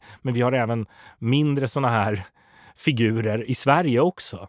Eh, en är tidigare ungdomsförbundsordförande i Nationaldemokraternas ungdomsförbund, nedlagt högerextremt parti nu. Eh, knoppade av från Sverigedemokraterna i början av 00-talet. Eh, han var tidigare ungdomsförbundsordförande där och driver nu den här misogyna eh, liksom så som ja, en sorts ledare för det och, och, och ja, försöker agera någon sorts coach för människor och, och, och, lära människor om manligt och kvinnligt och sånt där. Så, så att det här är en sorts rörelse, ett sorts motstånd mot jämställdhet. Jag tror att vi har tagit kanske jämställdheten lite för givet. Det att, att, att den på något sätt ska rulla på av sig självt och att den här typen av landvinningar som vi har haft i vårt samhälle, att, det är, att man kanske tar det lite för givet. Men det finns krafter som verkligen vill ha ett patriarkat, som vill att män och kvinnor ska ha helt olika roller i samhället och olika livschanser. Och, och ja, en del av dem till och med vill eh, vissa högerextrema grupper som jag följer till exempel, man talar öppet om att det borde vara lagligt för män att slå kvinnor till exempel. Eh, så att eh, den typen av perspektiv eh, kommer in i det här med full kraft. Det är liksom inte bara, eh, om man tittar på så här i samband med den här liksom, eh, flyktingkrisen 2015 och sånt där, att det är sånt starkt fokus på flyktingar, invandrare och sånt. Men det är verkligen eh, det är en del av en helhet från extremhögern där det finns många andra idéer. Hatet mot demokratin, kvinnohatet också. Lagligt att slå kvinnor, då är vi tillbaka i taliban-samhället. Mm. Ja, nej, det är väldigt likt. Det, är som, det var någon avslöjande reportage när någon eh, ja, imam som tyckte att man skulle minsann kunna markera, alltså man, man får, inte, alltså de, vad som skulle kanske då kallas i en, bedömas i en domstol som ringa misshandel, att det borde vara tillåtet i syfte att kontrollera kvinnor. Det hör vi från högerextremister också.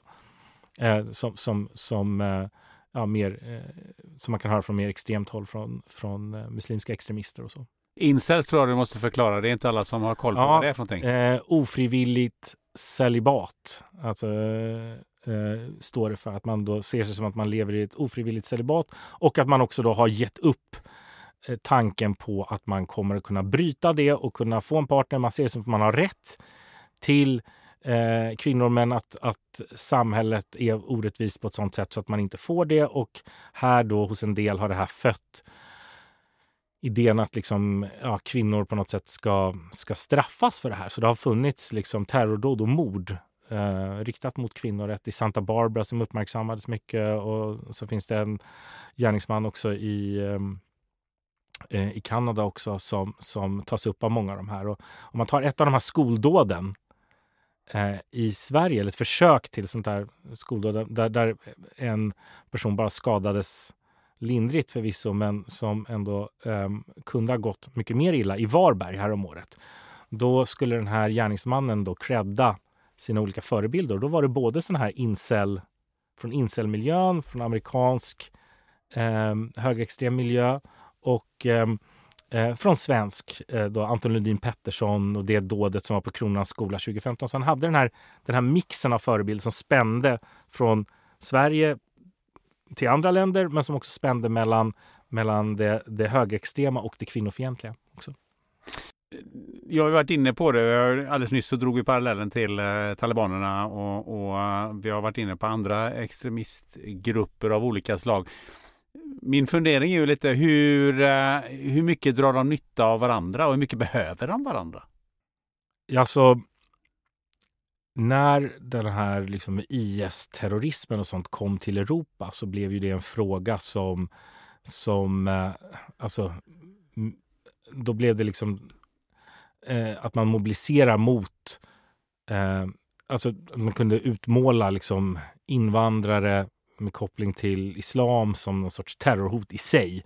Så det blev ju ett, det blev ett verktyg i händerna för, för både högerpopulister och högerextremister att kunna liksom peka på och mobilisera mot eh, på det sättet eh, för de grupperna. Sen är det ju så också att eh, eh från radikalislamistiskt håll också, eh, Eh, när de då vill indoktrinera eh, muslimska ungdomar i eh, ett hat mot västvärlden att då kunna också peka på islamofobi, hatet mot muslimer, att, att, man, eh, att människor ser ner på muslimer och, och, vill ha bort muslimer från Europa. Det är klart att det också stärker eh, muslimska extremisters möjligheter att få med sig det är ju som någon sorts så att säga eh, Eh, korn av sanning i deras berättelse då, som de kan sälja in till, till ehm, eh, till de ungdomarna, till de personerna, både unga och äldre, som de vill få med sig.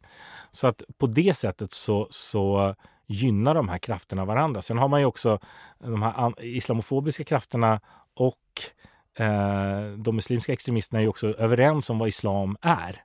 Eh, alltså de båda har en, en ex, eh, den här synen på, på islam som ett och samma och något extremt och det finns bara här.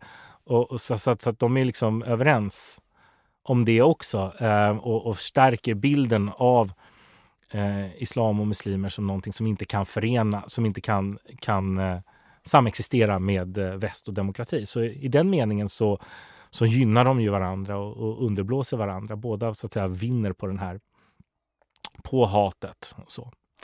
Nu har vi pratat mycket om de som befinner sig på alla möjliga ytterkanter och särskilt på, på, på eh, när det extremhögern.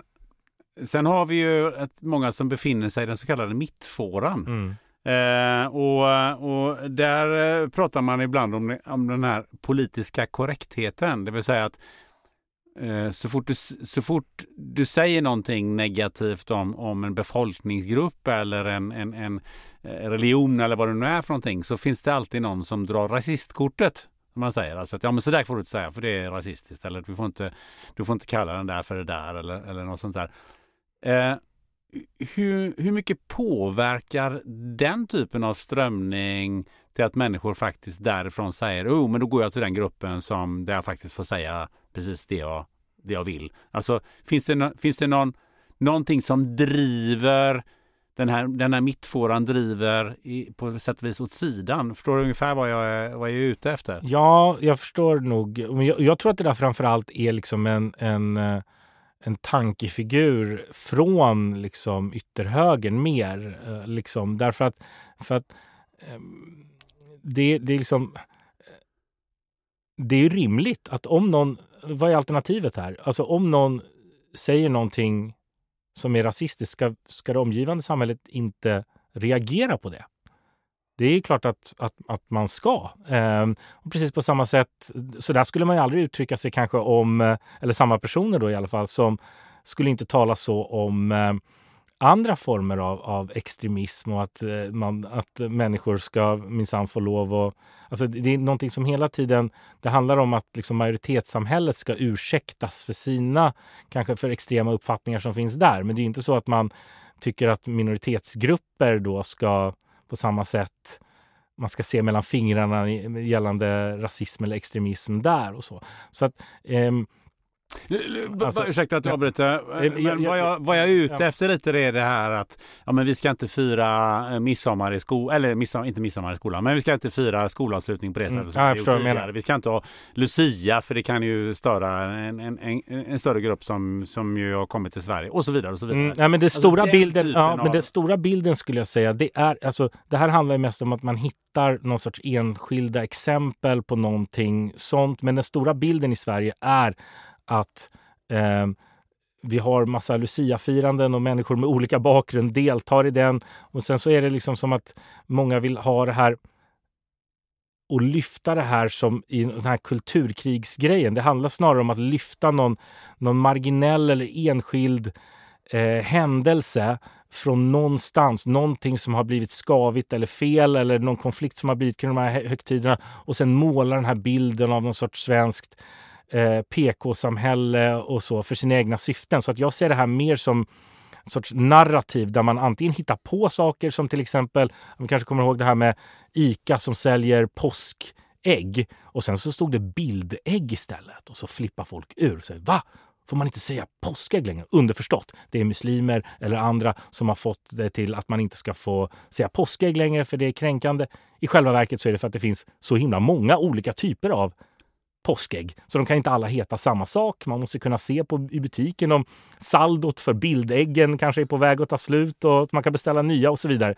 Eh, och det har hetat bildägg i, i liksom flera eh, eh, i många, många decennier och, och, olika varianter. Men det här då rycks ur sin sammanhang och den här hysterin som finns idag. Man har inte, ingen har flippat ur över att det hetat bildägg för några år sedan, men man gör det nu. Så det handlar väldigt mycket om um, ytterhögerns liksom eh, jakt på det här kulturkriget och, och, och, kunna utmåla någonting som någon sorts PK, PK-samhälle.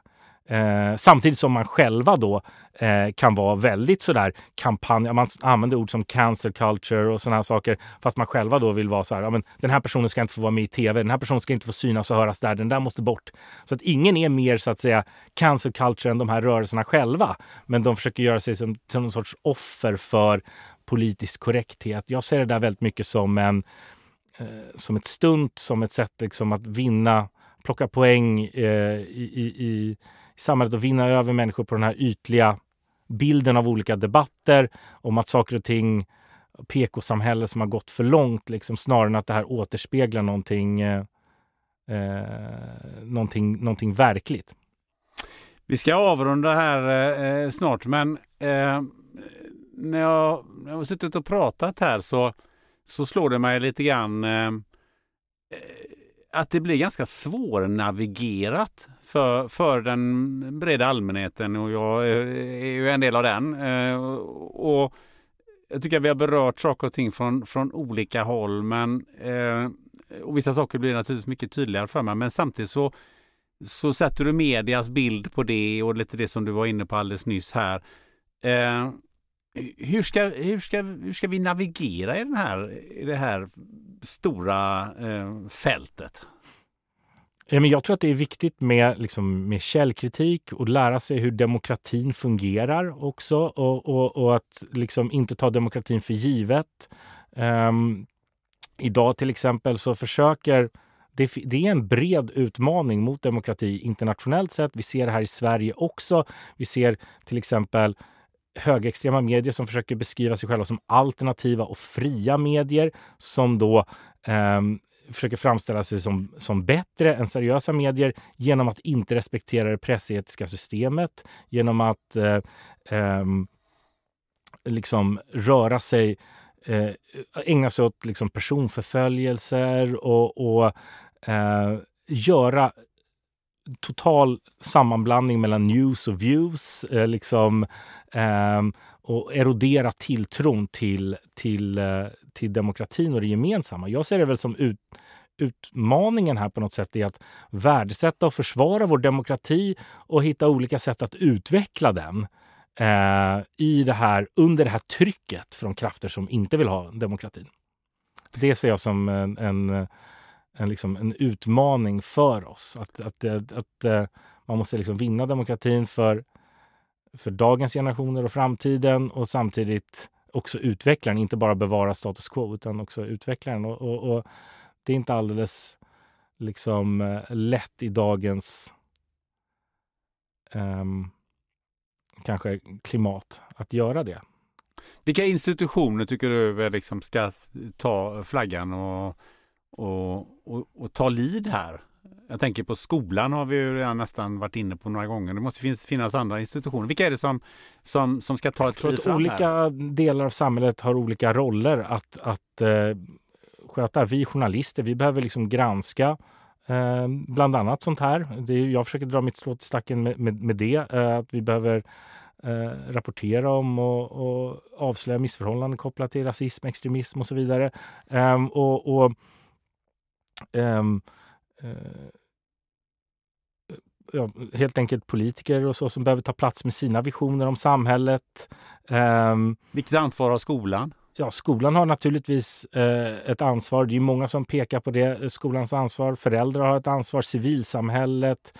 Eh, socialtjänsten, eh, polis alltså, som behöver utreda brotten och socialtjänsten som behöver kunna fånga upp ungdomar som finns i riskmiljö. Det, det, det, det är delat ansvar. Precis som andra utmaningar i vårt samhälle så är det inte att det bara faller på en myndighet eller en viss yrkeskategori.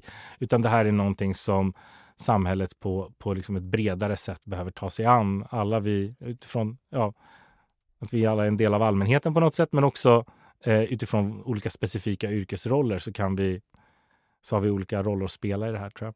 Vilka institutioner skulle vi behöva stärka i Sverige för att stärka demokratin? Eh, jag tror det är jätteviktigt att slå fast, eh, slå vakt om, om eh, kulturens oberoende. Apropå den här diskussionen vi hade om armlängds avstånd och sådana saker förut. Att det, det är en jätteviktig grej. Och sen så tycker jag att det är jätteviktigt att, eh, Eh, att förhindra och lagföra också eh, när det gäller brott med rasistiska motiv. Ehm, som jag följer en del i mitt, i mitt arbete. Det är ganska vanligt. Trakasserier som sker i skolan utifrån sådana här idéer eh, tror jag är jätteviktigt. Och sen också då som sagt både ifrån civilsamhället men också ifrån skolan då till exempel det här att, att faktiskt stärka demokratin. Um, att stärka den demokratiska motståndskraften i, i samhället på något sätt. Och där är källkritiken en del. Kunskap om rasism och extremism är en del också. Eh, så att ja, eh, lärare och andra orkar möta det här och kan göra det på ett bra sätt och ett sätt som blir konstruktivt. Um, jag tror att det är jätteviktigt. Hur, eh, hur kan vi här, strypa tillförseln av eh, nya medlemmar och, och, och, nya sympatisörer mm, till de här grupperna på ja, framförallt högerkanten? Då? Ja, det är ju lättare sagt än gjort såklart. Men eh, jag tycker att olika delar av samhället har, har olika ansvar. Jag tycker att techföretag som till exempel, de, i stort sett alla av dem har att det är förbjudet att sprida hat, eh, sprida extremism på plattformarna. Men det tillåts ändå. Jag menar Facebook och ja, Twitter? Och, uh, och, och TikTok och, och, allt vad det är. Och, nu, för några år sedan efter Charlottesville 2017 så var ju trenden att fler började slå ner på uh, så att man, att man stängde av konton, att man tog ett ansvar och försökte moderera det här. Nu ser vi en sorts omvänd utveckling där liksom Twitter visar vägen med att släppa in eh, de värsta extremisterna igen som får fritt spelrum och, och så eh, till att sprida sina idéer till fler. Eh, så att den eh, typen av, av ehm, attityd som, som de har, det, det, bidrar också till mycket, mycket skada och att man sätter någon sorts eh, megafon framför olika eh, extremister helt enkelt. Eh, det är en del av det här. Ehm, Ehm, och, och sen naturligtvis att eh, för andra delar av samhället att lyckas nå mer sårbara individer. Där tänker jag liksom att apropå det här med mening och sammanhang, det finns ju så mycket sundare gemenskaper som människor skulle kunna hamna i och ju bättre andra delar av samhället är att nå människor, desto mindre kanske extremistgrupper har eh, att hämta helt enkelt. Man kan säga att slutordet är att vi kommer behöva hjälpas åt allihopa Ja. för att slå vakt om det, det samhället vi eh, faktiskt har idag. Ja, att slå vakt om det samhället vi har och att också utveckla det och göra det bättre. Det är, det är utmaningen. Tycker jag är ett bra eh, slutord. Hur, Jonathan, hur tycker du att det har varit att sitta här och tjata med mig i den här podden? Det var jättetrevligt. Jag är glad att vi fick till det. Det har varit, vi har fått skjuta fram det både du och jag för det har varit ett händelserikt år Ja, verkligen. sen vi möttes i våras. Men eh, nu fick vi till det nästan, nästan ett år senare fick vi till det. Så det är Mm. fint. Det uppskattar jag. Ja, jag också. Eh, verkligen. Du fick ju en eh, liten eh, eh, läxa, eh, nämligen att rekommendera någon som du tycker eh, jag borde intervjua i den här podden. Mm. Du hade till och med var så snabb så att du skickade ett mejl till Mm. mig. Men jag tycker att du ska få säga vem det är och, och motivationen och vad den här personen är för någonting. Ja, jag tycker att Anders Persson, en statsvetare som har kikat mycket på Israel och Israel-Palestina-konflikten, är en intressant person. Och inte minst nu med den här utvecklingen som är i Israel nu, de här protesterna och liksom apropå liberal demokrati och sånt och den oron som människor i Israel har för var deras demokrati är på väg och, och risker för den. Um, Och han har också skrivit en väldigt intressant studie för några år sedan om en Israel-centrerad världsbild. Alltså förut så fanns det en, en uppfattning om att det fanns bara en, när man sa konflikten i Mellanöstern, då visste alla att det var Israel-Palestina. Idag vet vi att det finns åtskilliga andra konflikter i Mellanöstern. Va? Eh, det har liksom på något sätt blivit större efter arabiska våren och IS och allt sånt där. Att Mellanöstern är ganska komplex. Och den här på något sätt Israel-centrerade världsbilden som fanns förut, mer, eh, som var starkare förut. Att Israel var på något sätt någon sorts, Israel-Palestina var en knut. Som om den löste sig skulle det bli fred i Mellanöstern och kanske resten av hela världen. Alltså den typen av uppfattningar var vanligare förr. Och det fanns också en koppling mellan det och antisemitism. Alltså judarna sitter på någon sorts nyckel till världsfred men, men vill inte genomföra. Alltså, det har liksom haft en betydelse för antisemitismen, eh, den där den där uppfattningen och den har ändå så att säga försvagats. Och han skriver om det väldigt intressant. Eh, så det finns både hans resonemang om antisemitism jag tycker är väldigt intressanta men också hans eh, ehm, kommentarer som vi kan höra i media nu om Israel, eh, om utvecklingen i Israel och men också om Israel-Palestina-konflikten där han har mycket intressant att säga. Så jag tror eh, att han skulle kunna vara en intressant gäst. Jag skulle gärna höra mer om honom, av Ja. honom. Härligt, Eh, bra tips och Ja. en eh, synnerligen eh, tydlig motivering måste jag Ja, säga. Ja, verkligen. Ehm, slutligen, hur får man tag på dig om man vill ha ett, föra ett föredrag eller någonting annat? Ja, då är det bara att mejla mig, jonathan.leman.expo.se eller mejla direkt till utbildning.expo.se för, för föreläsningsförfrågan. Sen kan jag bara rekommendera följa vår nyhetssajt expo.se, prenumerera på tidskriften och framförallt lyssna på vår podd Studio Expo. Så funkar det väl när man är med i en podd, då får man säga om man ska lyssna på, på Det- vår podd. Det var Den lite är det som var uppmaningen här, att du skulle få göra reklam. Ja, men precis. Ja, men det, det, Studio Expo måste ni lyssna på. Den är, den är superbra. Jag håller med. Jonathan Lehmann, ett stort tack för att du ville gästa den här podden. Tack så mycket Gunnar, jättekul att vara här. Du har lyssnat till det 146 avsnittet av podden Spännande möten med mig, Gunnar Österreich.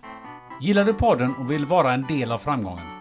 Då går du in på poddens webbsida spannandemoten.se och kollar hur du kan stötta framtida avsnitt. Som vanligt så är det mycket på gång i podden. I nästa avsnitt får du träffa Mohammed Sali som kommer att visa dig vägen till din första miljon. Och fler gäster är klara för avsnitten framöver. Vad sägs om en hudforskare, Sveriges mest kända seglare och designer, en expert på penningtvätt och en hockeylegend och kanske en alldeles speciell kvinnlig äventyrare. Tills nästa avsnitt, då vet du vad du gör.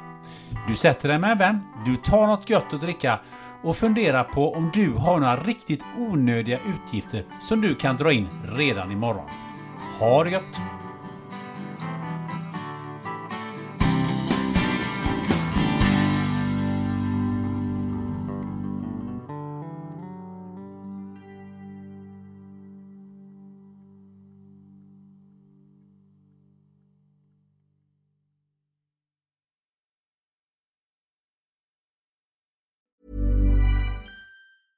Even on a budget, quality is non-negotiable. That's why Quince is the place to score high-end essentials at 50 to 80% less than similar brands. Get your hands on buttery soft cashmere sweaters from just 60 bucks, Italian leather jackets, and so much more. And the best part about Quince, they exclusively partner with factories committed to safe, ethical, and responsible manufacturing. Elevate your style without the elevated price tag with Quince. Go to quince.com slash upgrade for free shipping and 365-day returns. Hi, I'm Daniel, founder of Pretty Litter. Cats and cat owners deserve better than any old-fashioned litter. That's why I teamed up with scientists and veterinarians to create Pretty Litter. Its innovative crystal formula has superior odor control and weighs up to 80% less than clay litter. Pretty Litter even monitors health by changing colors to help detect early signs of potential illness. It's the world's smartest kitty litter. Go to prettylitter.com and use code ACAST for 20% off your first order and a free cat toy. Terms and conditions apply. See site for details.